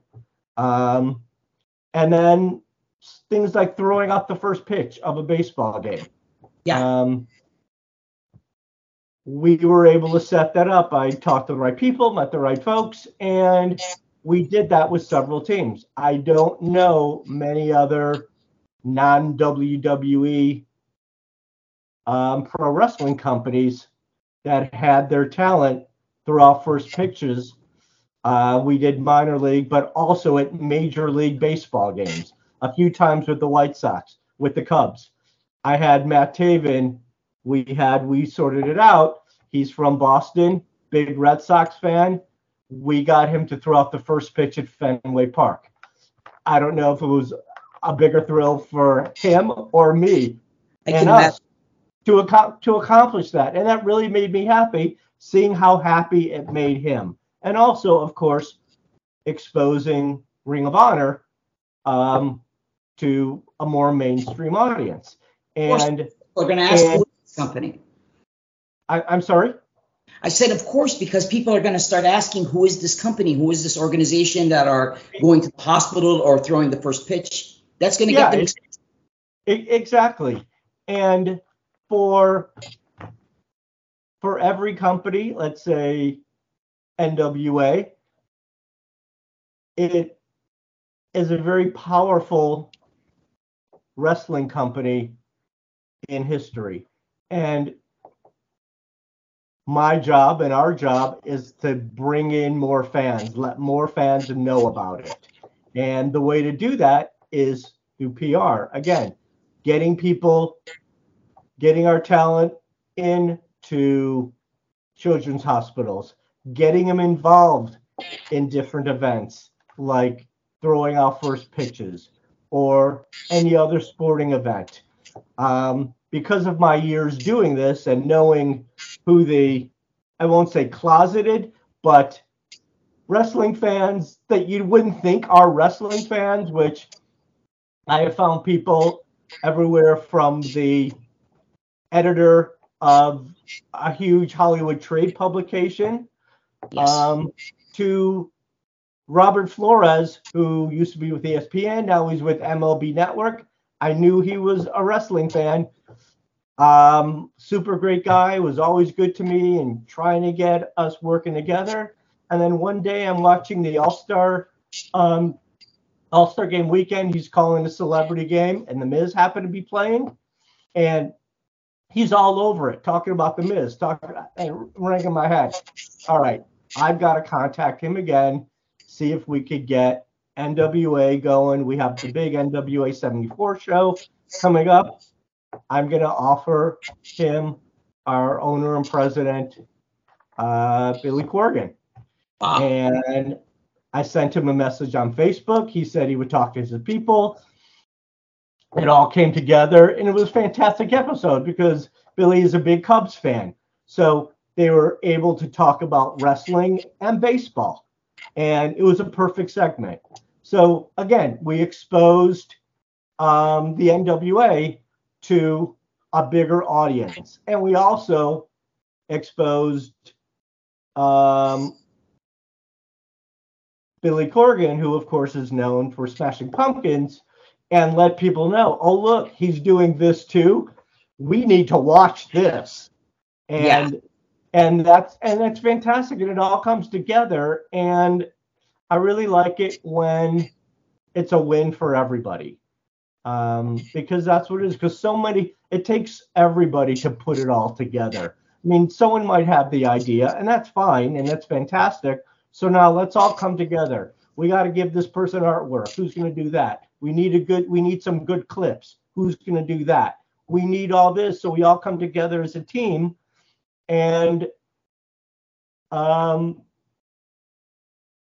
present the NWA and whomever it is. But but now I'm fortunate to be working with the NWA now. Um, let the wrestling fans out there, and maybe some fans who are not tuning in, um, whether it's on YouTube or Fight or pay-per-views, they could see what we do. And when you look at the NWA, especially the NWA Power, USA, it's like, wow, this looks like what I watched when I was younger. This is what made me a fan. The studio wrestling, stuff to it. athletics, um, it's different, not better, not worse, different. Yeah, than other different. things that are out there. And there's a familiarity to it. Familiar and the athleticism and everything that's going on. And it's also a lot more intimate and you could really get into it. So Exactly, with the- again, I, i'm so happy. Yeah, I'm so happy to have connected with another great company. Yeah, that's beautiful. That's beautiful. But again, I'd like to go back to the Ring of Honor days and those six years that you mentioned that are that were really beautiful because again, I, I also am a huge Ring of Honor fan, and I mm-hmm. was saddened by the the demise more or less of the organization in its original form. So one of the things that I'm a little curious about is when the transition happened. I, mm-hmm. I personally expected that you would you and the rest of the team would stay with the organization. What what do you, what are your thoughts of the current state of Ring of Honor now? I think it's still they're still sorting it out. I mean, they have champions. They have people there who I worked with and loved working with. I mean, I work with Jay all the time. Consummate professional. incredible in the ring, incredible on the mic, incredible when I brought him to TV stations or anywhere to do interviews. So the talent is there. Um, and and I don't think we could really say what it's going to be because I don't really think it's been fleshed out yet to Yes. to what it's really going to be. Um, I hope it'll be great. I mean, I'm one of those folks that want every pro wrestling company to to do well because it's a whole it's a whole industry and I also believe the competition is really good um, for any industry. Otherwise, there's no reason for any company in any industry to try to get better. And I know it's very cliched, but I mean it's true. It it shows. Um, look at the WCW versus WWE when WWE had pressure on them for those 83 weeks or whatever it was.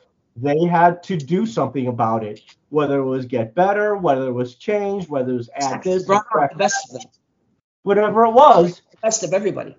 Yeah, they they had to do something, and um, I think Ring of Honor. I mean, they have the library, of course. They have a lot of talent that have been in Ring of Honor. I mean, going back even a ways. I mean, now that Claudio's there, that kind of goes back. That goes back a ways. Yeah. Um, and then further, and then fur- further on. I mean, I worked with a lot of the people that are at AEW. So of course, I mean, they did what they were going to do personnel wise, and that's fantastic. I mean, obviously, if they know what they're doing, they have a big company. I wish it would have turned out differently at the time, but I'm really happy what what I'm doing now with NWA, and I hope everyone at AEW does well. I mean, they're going to, and the Ring of Honor, the however they work that out, I think it'll be great. But I mean, just look at their look at their roster. It's fantastic. NWA's roster is fantastic. I mean, we have Trevor as our champion. We have Camille as our women's champion. We've got Nick. We've got Matt Cardona. We've got Tyrus. We've got uh, great people. EC3 is in there. Red Titus is in there. We've got people who I've worked with before. We've got people who are kind of new to me, but we've gotten to know each other well. Um, they're all super uh, cooperative and happy to do interviews. So that makes me happy. It makes my job easier. And I'm really fortunate that people like yourselves, the Pro Wrestling Press, want and are eager to talk to them. So it's again, it's it's a win all the way around. And um, I've always wanted to make that. That was that was one of the things when I started with ROH and now here. I want to be able to make the talent available. Um, sometimes that's not always the case with some companies, and again, they have their way of doing it, and that's fine. I don't worry about that. I worry about I want my talent out there uh, if they're willing to do it, and for the most part they are. And I would love uh, the press folks to talk to them to really get an insight into them. Um, and just increase things in, in this business and and let fans know about talent that they may not have heard of, but it's like, wow, look at these, because everyone was them at some point. I mean, a lot of these people are right up there with any talent. I mean, Tyrus, again, and Matt Cardona, and Camille, and Nick Aldis, and I could go on and on and on. They're a- A-list, they're A-list pro wrestlers. Um, Taya Valkyrie, I mean, she's uh, the number one contender. Uh, we have a pay-per-view coming up, Hard Times in New Orleans on November 12th, and she's a number one contender. We've got um, a triple threat with Tyrus and Trevor and Matt Cardona. So is amazing, yeah. so, all right. So our events can match any any. So uh, it's a thrill to be able to contact any pro wrestling journals. Hey, would you like to talk to this person or this and this? Yeah, we'll take them all. We'll take anyone. And because our talent is so top notch, um, people want to talk to them. And I want to be able to uh, make help make it all happen and just do, do the best I could for with my little part and uh, get the NWA back up to where it was. Um, we have some incredibly great momentum from our last pay per views and our fight shows and YouTube shows, and people are really uh, learning about it and loving it. That's a very healthy perspective on the whole thing. And it's something that I personally am looking forward to because there are a lot of great talent that you have there that you talked about that I would love to talk to as well on this show. So, one of the things that I would like to ask about is mm-hmm. as a person now working behind the scenes, and one of the things that draws us to wrestling is the personalities, the personas. A lot of them are really interesting people. Did you find them to be the same behind scenes, or is it very different? Is it very different? You don't want me to pull that curtain back now, do you? Just a little, just a little for audience. the people that I've met have all been good to me. Like I said, um, obviously I email them, I talk to them and say, okay, um, I'd like to set up an interview with you and Allah, and this is the outlet. When are you available? This is his availability, and we do that. If you look at, excuse me, any given character, I mean, obviously, if someone is very, very, very much in character, Yeah. one would think, okay, they probably aren't like that 24 7. Although some characters in pro wrestling might think that person lives their character 23 hours and 59 minutes a day. So um, they are good people. Um, I couldn't work with someone or people who are not good people. Um, I'm too old for that. um, and um, th- th- they're it works out well because just like anything in my life, okay, I want to know what I'm working with. Okay, this person will give me five minutes because they've got a million things to do. Not because they're so important, but they got this and they're going on a flight for a weekend to do this, or they're got a book signing here, or a Comic Con here, or this here. Okay, I'll give you whatever amount of time. And then there, there's others which I completely understand. This is their character. This is what they are. They do not want to break character.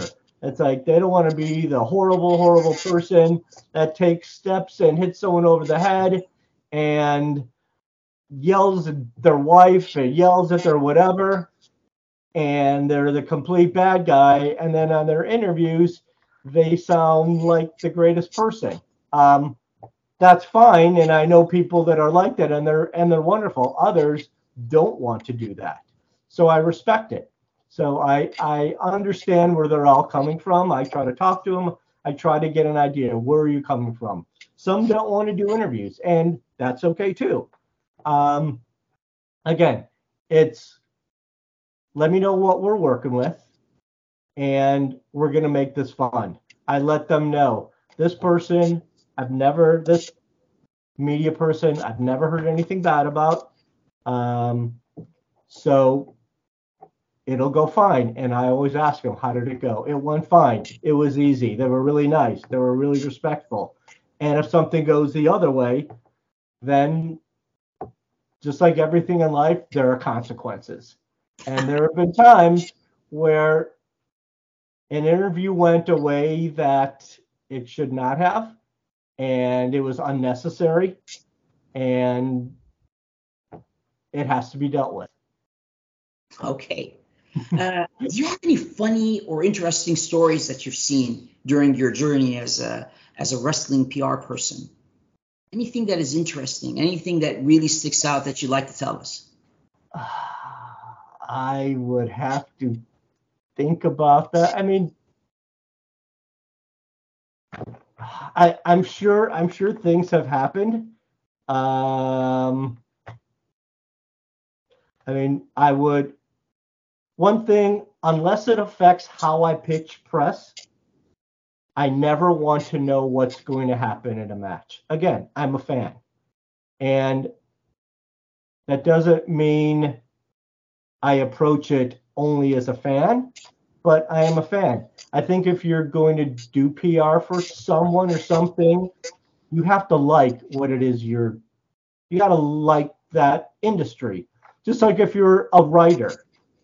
Um, if you're going to be a baseball writer or a soccer writer or a film writer or a medical writer, whatever it is, you have to have some interest and like what it is. Otherwise, it's going to come off. It's going to come off horrible. It's going to come off um, like you're living a lie. Yeah. So I I go into it as as a fan and and there have been times when I've been with certain talent who would be challenging or defending a championship. So I said, "So, who's going to win?" He said, "Oh, I'm going to win, of course." And at least on one occasion that didn't happen, but I was kind of just joking around because no, I want to be surprised. Um, there have been sad times when a wrestler has told me, "Oh, by the way, you may have heard or whatever, this is going to be my last day here," and it was bad because I really liked that person. And um, at the end, when he or she didn't didn't win the match, I was introduced to the person that beat that person and we got a rapport that way because um, the person who lost the match I, I, hate wrestling terms so i won't use them um, said i was okay to this to the person beat uh, that won and i uh, and then we got a relationship and we got some interviews going as well um, but but I think that one of the fun stories when I was working a while back, um, the the Independent with um, with Daniels and Samoa Joe and and all those folks, and Cena was there, and it was if there were 50 people there, I would be surprised, maybe 100. It was very small, and I don't know where the picture is, but I have a picture with John Cena in a, I he has me in a headlock just because he was messing around. But that was when he was prototype. Man, no, I think he was John Cena then, and then became prototype and yeah, he became uh, prototype. O- o- OVW. But yeah, it was before the OVW days. He left California and went there, and wow, that, you, knew he was going to be a star. So, so that was so that was fun seeing. I mean, knowing what I know now about these men and women, um, seeing them then. I mean, Ivory was there. And then they would bring in people. So Greg Valentine was there one time, and Yokozuna was there one time. Um, so it was um, it was really fun.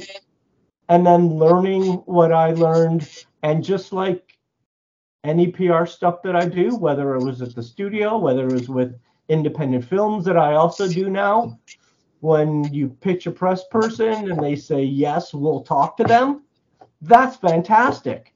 I mean, I, I mean, it's no secret that Colt Cabana is Jewish, so I pitched him to the Chicago Jewish News, and they did a cover story. That made me feel good that okay, this all came together for everybody. The outlet's going to have a great story. Cabana's going to have a great story on him. Um, it looks like I'm earning my keep, so that's a good thing. And of course, it's kind of a little bit of an ego thing, saying, "Yeah, we got this." It, it's just like anyone that kind of does a good job. That yeah, it feels good because okay, this is what they're paying me to do, and it actually came through. So um, especially a big publication like that, uh, an important publication. So so yeah, so so that was fun, and just being around, especially, I mean most most of the talent's really nice, but when people are exceptionally nice, I mean that's always good, of course. That's really interesting. That's really great to hear.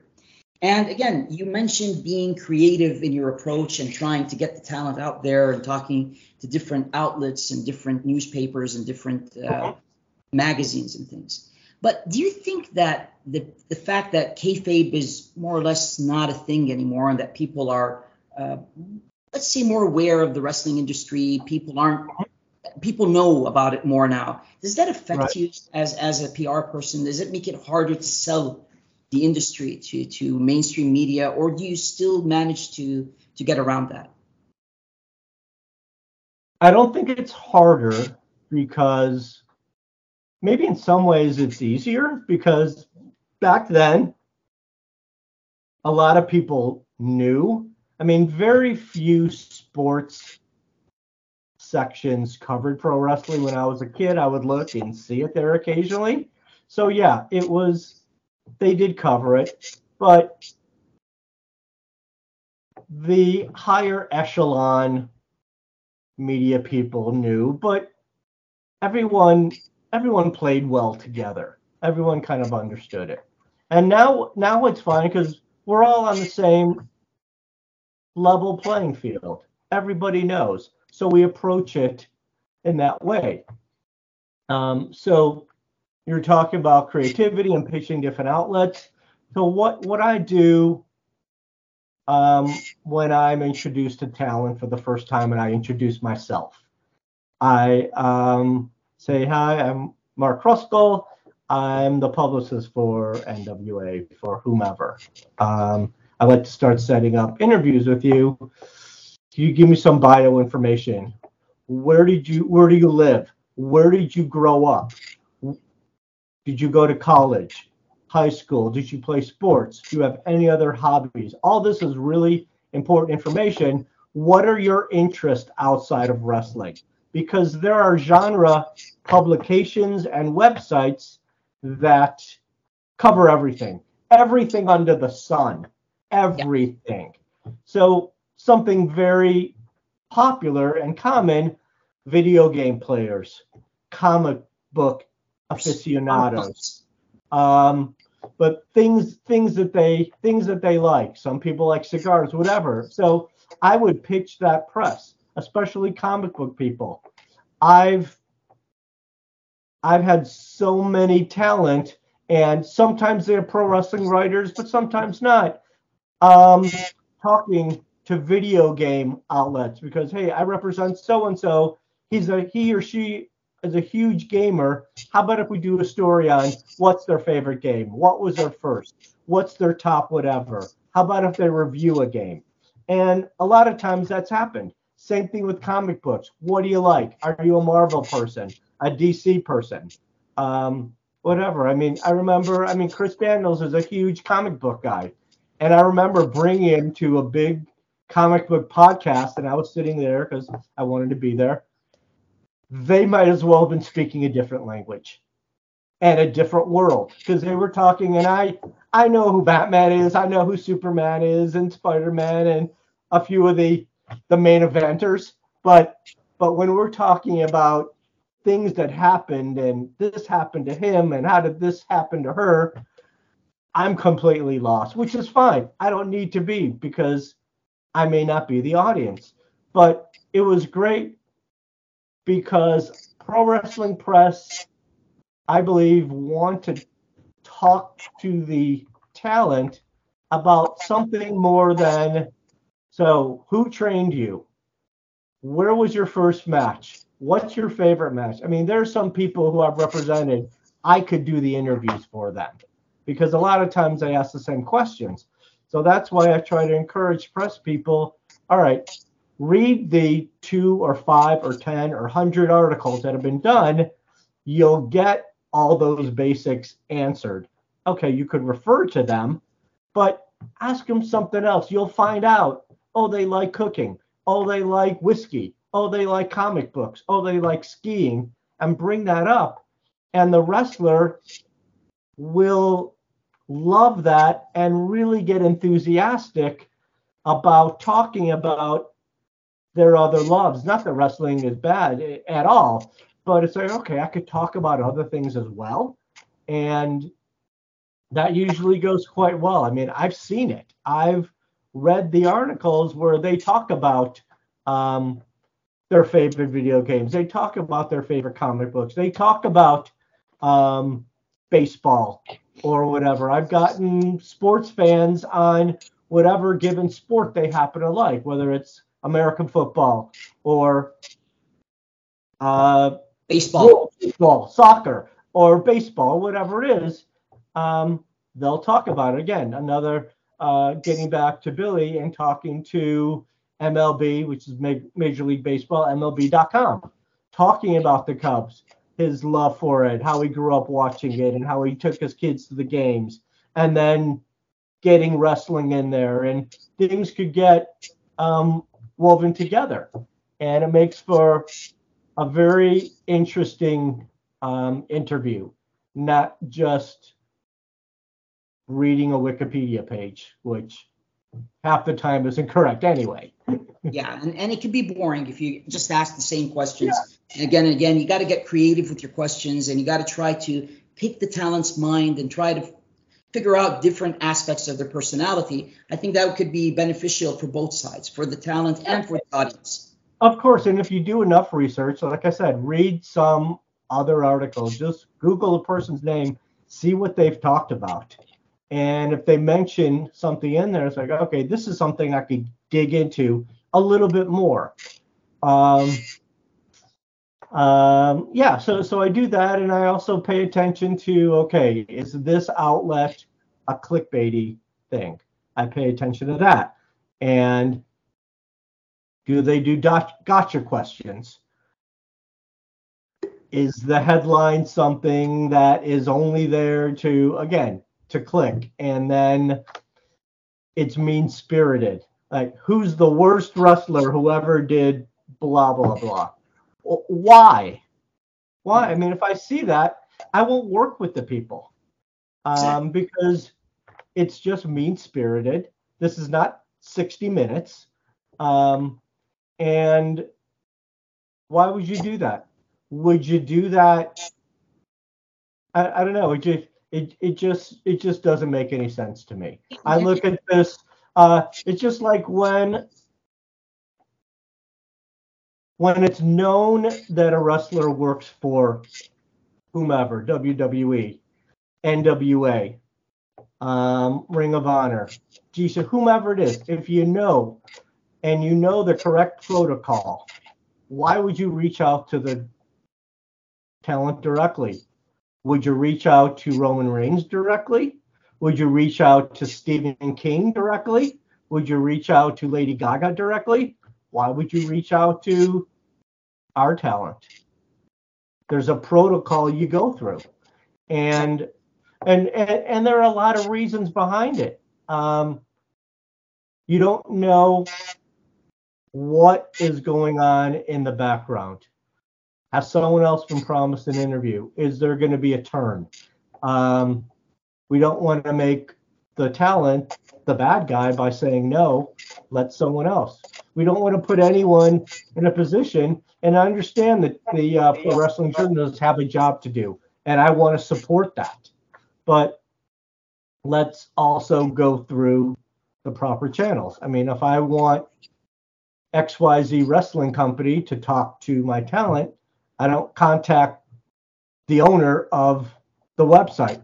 I don't contact the editor specifically. I contact who the writer is who I have a relationship with because that's the dance that we do and it works well. It's worked that way in entertainment and in business for whatever number of years, and it's fine. Um, unless the pro wrestling journalist has done something bad, I very rarely would say no unless there's a good reason. There's no time, something's going on. They're not. The, the, there's some reason why. So, so whether it's NWA or any other company, just go through the proper channels. Now, if the person's a total independent and normally sets up their interviews, or if it's in between, then yeah.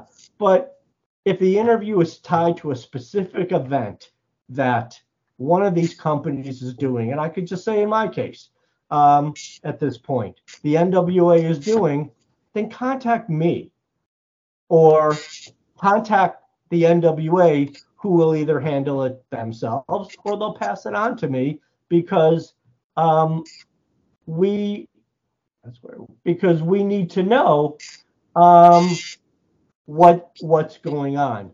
And then I hear, oh, I just talked to these guys. Oh, I just talked to these guys.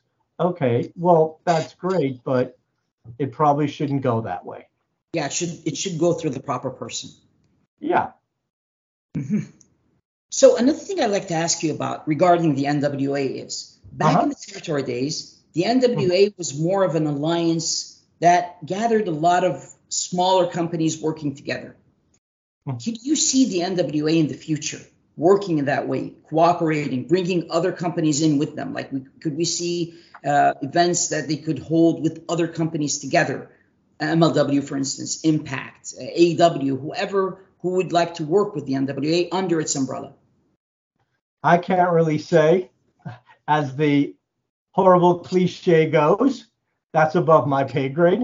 That's done elsewhere. But and, and I'm not trying to avoid it. It's just not something I'm involved in. But if you watch NWA, and I know you do, and all of your viewers should also, you'll see talent who have worked and do work for other companies. So that kind of answers that question on a per talent basis. Um, Taya Valkyrie, Matt Cardona, I mean, folks like that, and also folks that are doing other independents. Um, so yeah, we. I don't know how everyone or anyone's contract is, is structured, but you could see our talent in other companies, their talent with us. So yeah, it that's how that works there. I don't know what the future holds, what's going to be. I mean, I know um, our shows in New Orleans are going to be kind of in conjunction with Wildcat Sports, which is a New Orleans based um, wrestling company that Luke Hawks is involved in. So, yeah, so there's that collaboration. Um, and I'm sure there's going to be more collaborations of some sort. Again, whether it's single talent or companies together. Um, but that's not something really I could speak about because I just don't know it. Okay, Mark. In closing, is there anything you'd like to say to our audience? Any any message you'd like to send to listeners here in our region of the world about the NWA or about your work?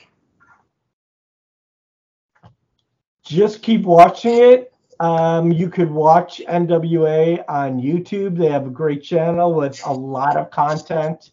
Um, NWA Power, NWA USA. You could watch it on Fight TV. Um, I assume it's available internationally. I know it's in the US. I know. Um, so there are so many ways. We have talent you'll recognize, some you will learn to love. And um, it will be, if you're one of the older fans, you'll see it. I thought, that's what I've been missing. That's why I stopped watching it after eighth grade. It got a little, and I won't use any pejoratives, it became different. But now this is nostalgia. This is what I'm used to. This is what I grew up with. I want to watch this. Oh, wow. Look at the athleticism. Look, they're doing wrestling holds. They're doing headlocks. They're doing drop kicks. They're doing finishing moves. They are doing what I grew up with. It is an athletic contest, and that's what I want to see. And that's what you'll see watching NWA. Again, their big our big pay-per-view is coming up November 12th in New Orleans. Um, triple threat championship match. Taya's going to be wrestling for the NWA uh, Women's Championship. A lot more things. We'll see how it fleshes out because there's still a month and a half to go. So great stuff is coming up. As you watch the episodes, you'll see the card develop. Um, so there, so there's that. And uh, what, what, and some of my other hats. I mean, I I also represent some independent films that are in film festivals. Um, I just did a very cool one called Match, um, which is a movie about internet dating, and it's told in a, in a unique way. It's just told by, in this case, it's a guy and a girl, man and a woman, um, and it's just told through their emails and their text messages to each other. So it's very, very interesting. Uh, could come to a town or streaming, um, depending on where you are. But it's good. When I when I heard about it, I was fortunate because the film festival, I was on their list of recommended publicists. So the filmmaker found me on it and called me, told me what it was about. I watched the trailer. I said, I could relate to a lot of this. And the research I looked at, about 30% of the adults have done online dating. I have a feeling it's more than that, but I guess there's a lot of married and together folks. So maybe not, but at least 30%. So a big population could relate to that and would really like the movie. So I have that. I've actually been talking to a couple other filmmakers about doing some of their stuff for festivals. I've done stuff for web shows, that kind of stuff. And yet, my third hat, um, I do some background acting, which is kind of a kick. So while I'm waiting to go on set, I'm doing my PR. And then I go on set, the PR stuff goes away. I remember the first time I did it, I felt like undercover boss because I've been on countless movie sets, countless press junkets, press screenings, premieres. Now I'm sort of on the other side in it, watching it from that perspective. So it's fun, and I tell people, yeah, I, I did this, I did this, I did this, but don't blink or you'll miss me. I'll be looking forward to seeing you in some of those movies. There's one you mentioned to me off air. Uh, I'm going to be watching for you, and uh, hopefully, I'll catch you in the crowd. Yeah, that'll be probably probably probably about uh, at least a year um, before that came out, and um, yeah, and, and, and there's another one on Netflix. It's probably in post production now, but um, I'll tell you when it comes on. You could let your people know. You know that guy I interviewed six months or a year ago. You might be able to see him in this. So, I'll keep an eye out for it. Yeah, so that's I really just do that. It's kind of a kick and gives me something to do sometimes. So so it's fun. I got to ask you one last question before I let sure. you go. You've been on movie sets, you've been behind the scenes in wrestling. What is a more interesting, what is a more intense atmosphere? A wrestling uh, back a, a, best, uh, a wrestling scene or a movie? It's all intense. And, I, and again, you're thinking, okay, he's trying to avoid it, but but no, I mean, if you think about it, if you're at a wrestling show, let's say a big wrestling show, when it was the ROH and New Japan show in Madison Square Garden. Everything's on the line. You got cameras, you got a director, you got producers, you got everything going on. Same thing on a on a set. I mean, I was at the one you're talking about uh, yesterday, and it has two A-list stars in it and an A-list director in it. So you know, a, a, more than that, but the ones that were there yesterday and there's others in it. So you know, everyone has got to bring, here's another stupid cliche, their A game. Everyone's got to be on, okay? And you've got your AD, and you've got your second AD, and you've got the wranglers who are dealing with us little background people. This is what you do. This is where you stand. I'm going to cue you to do this. Everything has to work perfectly. Now, in wrestling, uh, in a show, there is no, okay, that was great. Let's do it again. Let's do it again. No there are no second takes or fifth takes or tenth takes, which I've been part of, like everyone in TV or film or whatever. There are, I mean, maybe um, uh, on a rare occasion they've reshot things I've heard, but that's a rarity. Um, so in wrestling, it's like, yeah, you you have to get it right. Um, otherwise, you hear the you effed up, you effed up, you effed up. Chances are that will not happen on a set when there's an A-list actor or director because you'll never work in this town again if you do that. yeah. Mark, it was a great honor and privilege to speak to you tonight. Uh, thank Oh, you very great, much. great. We really appreciate it. I'm looking forward to speaking to a lot of talent from NWA. I hope you enjoyed your experience with us, and uh, we'll keep in touch. Thank you very much again. All right. Have a good uh, have a good day. You're gonna start your day. I'll be going to sleep. Enjoy it, and uh, we'll keep in touch. Thank you very much, sir. نبي نشكر صديقنا مارك روسكو مرة ثانية على هذا اللقاء المميز بصراحه نشكره جدا انه خذ من وقته باش يكون معنا صح ال underdog والراجل بجديته وقف معنا وقفة. بارك الله فيه. يعني كلامه زي أنتم سمعتوا وبصراحة ال support اللي قدمه حتى لما تكلم مع علاء وقال نيح تعرف كيف نحن ندفع بكم؟ بجديات. الراجل بدا حتى هو من الزيرو وصل لمكان يبيه وبالفعل بيشوف ناس ينجحوا معاه. شكرا جزيلا.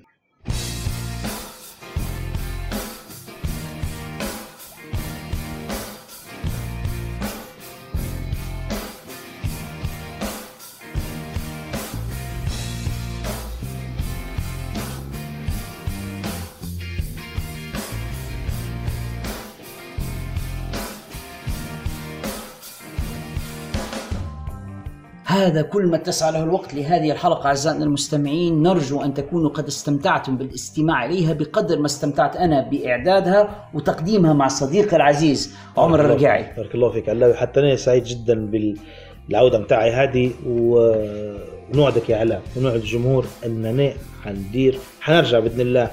و... وأيضا اننا حن يعني خلت سي ان زي ما بدأ سي إم بانك مباراة بشوي شوية بشوي شوية يصعد. آه علاء حنكون ضيف معك في حلقات أخرى بإذن الله. مش ضيف يا عمر أنت صاحب بيت. عارف بارك الله فيك. في الحلقات المقبله حنكون معك ضيف فيها إن شاء الله مش حنوعد الجمهور بالحلقة الجاية واللي بعدها بس أكيد حنكرس وقت من أجل البودكاست ومن أجل نحن آه، نستمتعوا وتستمتعوا معنا أنتم أعزائنا المستمعين. بجديات علاء استمتعت جدا بالحلقة.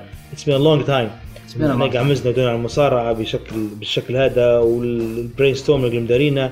وبجديات الشباب كلهم اللي, اللي يساعدونا بعثوا لنا رسائل بتاعهم نشكرهم هلبا بجديات. يعني هذه واحدة من الحالات محركة لنا إحنا ك wrestling fans أكبر حافز إيه. أكبر حافز. ان إن نحس إن في ناس تستنى فينا كل أسبوع أو إن في ناس تبعت لك في أسئلة تبي تعرف رأيك فيها قصدي هذا بعد كيف ساد زي ما يقولوا. إذا كنتم أعزائنا استمتعتوا بهذه الحلقة بقدر ما استمتعنا نحن بتقديمها وإعدادها. فلا تترددوا في ترك علامة الخمسة نجمات في ال apps والتطبيقات التي تستمعون إلينا من خلالها. علامات الخمسة نجمات تلك تساعد هذا البودكاست كثيرا على النمو والانتشار والوصول إلى آفاق أبعد. لو كنتوا تسمعوا فينا من خلال يوتيوب ما تنسوا تديروا like subscribe share فعلوا جرس التنبيهات لكي تصلكم الإشعارات بالحلقات الجديدة أولا بأول. وأهم حاجة قولوا لأصدقائكم ومعارفكم وأقاربكم اللي هم من محبي مصارعة المحترفين إن في بودكاست من ليبيا عنوانه في الحلبة يكلم فيكم على مصارعة المحترفين ويقدم إليكم دوما كل جديد لأنه لا يوجد مكان آخر أفضل في عالم المصارعة يقدم بودكاستات عن مصارعة المحترفين أفضل من هذا المكان هنا في الحلبة In the ring where it matters. Ooh yeah! Dig it! وإلى أن نلتقي في الحلقة المقبلة استودعكم الله الذي لا تضيع ودائعه والسلام عليكم ورحمة الله وبركاته. يا لطيف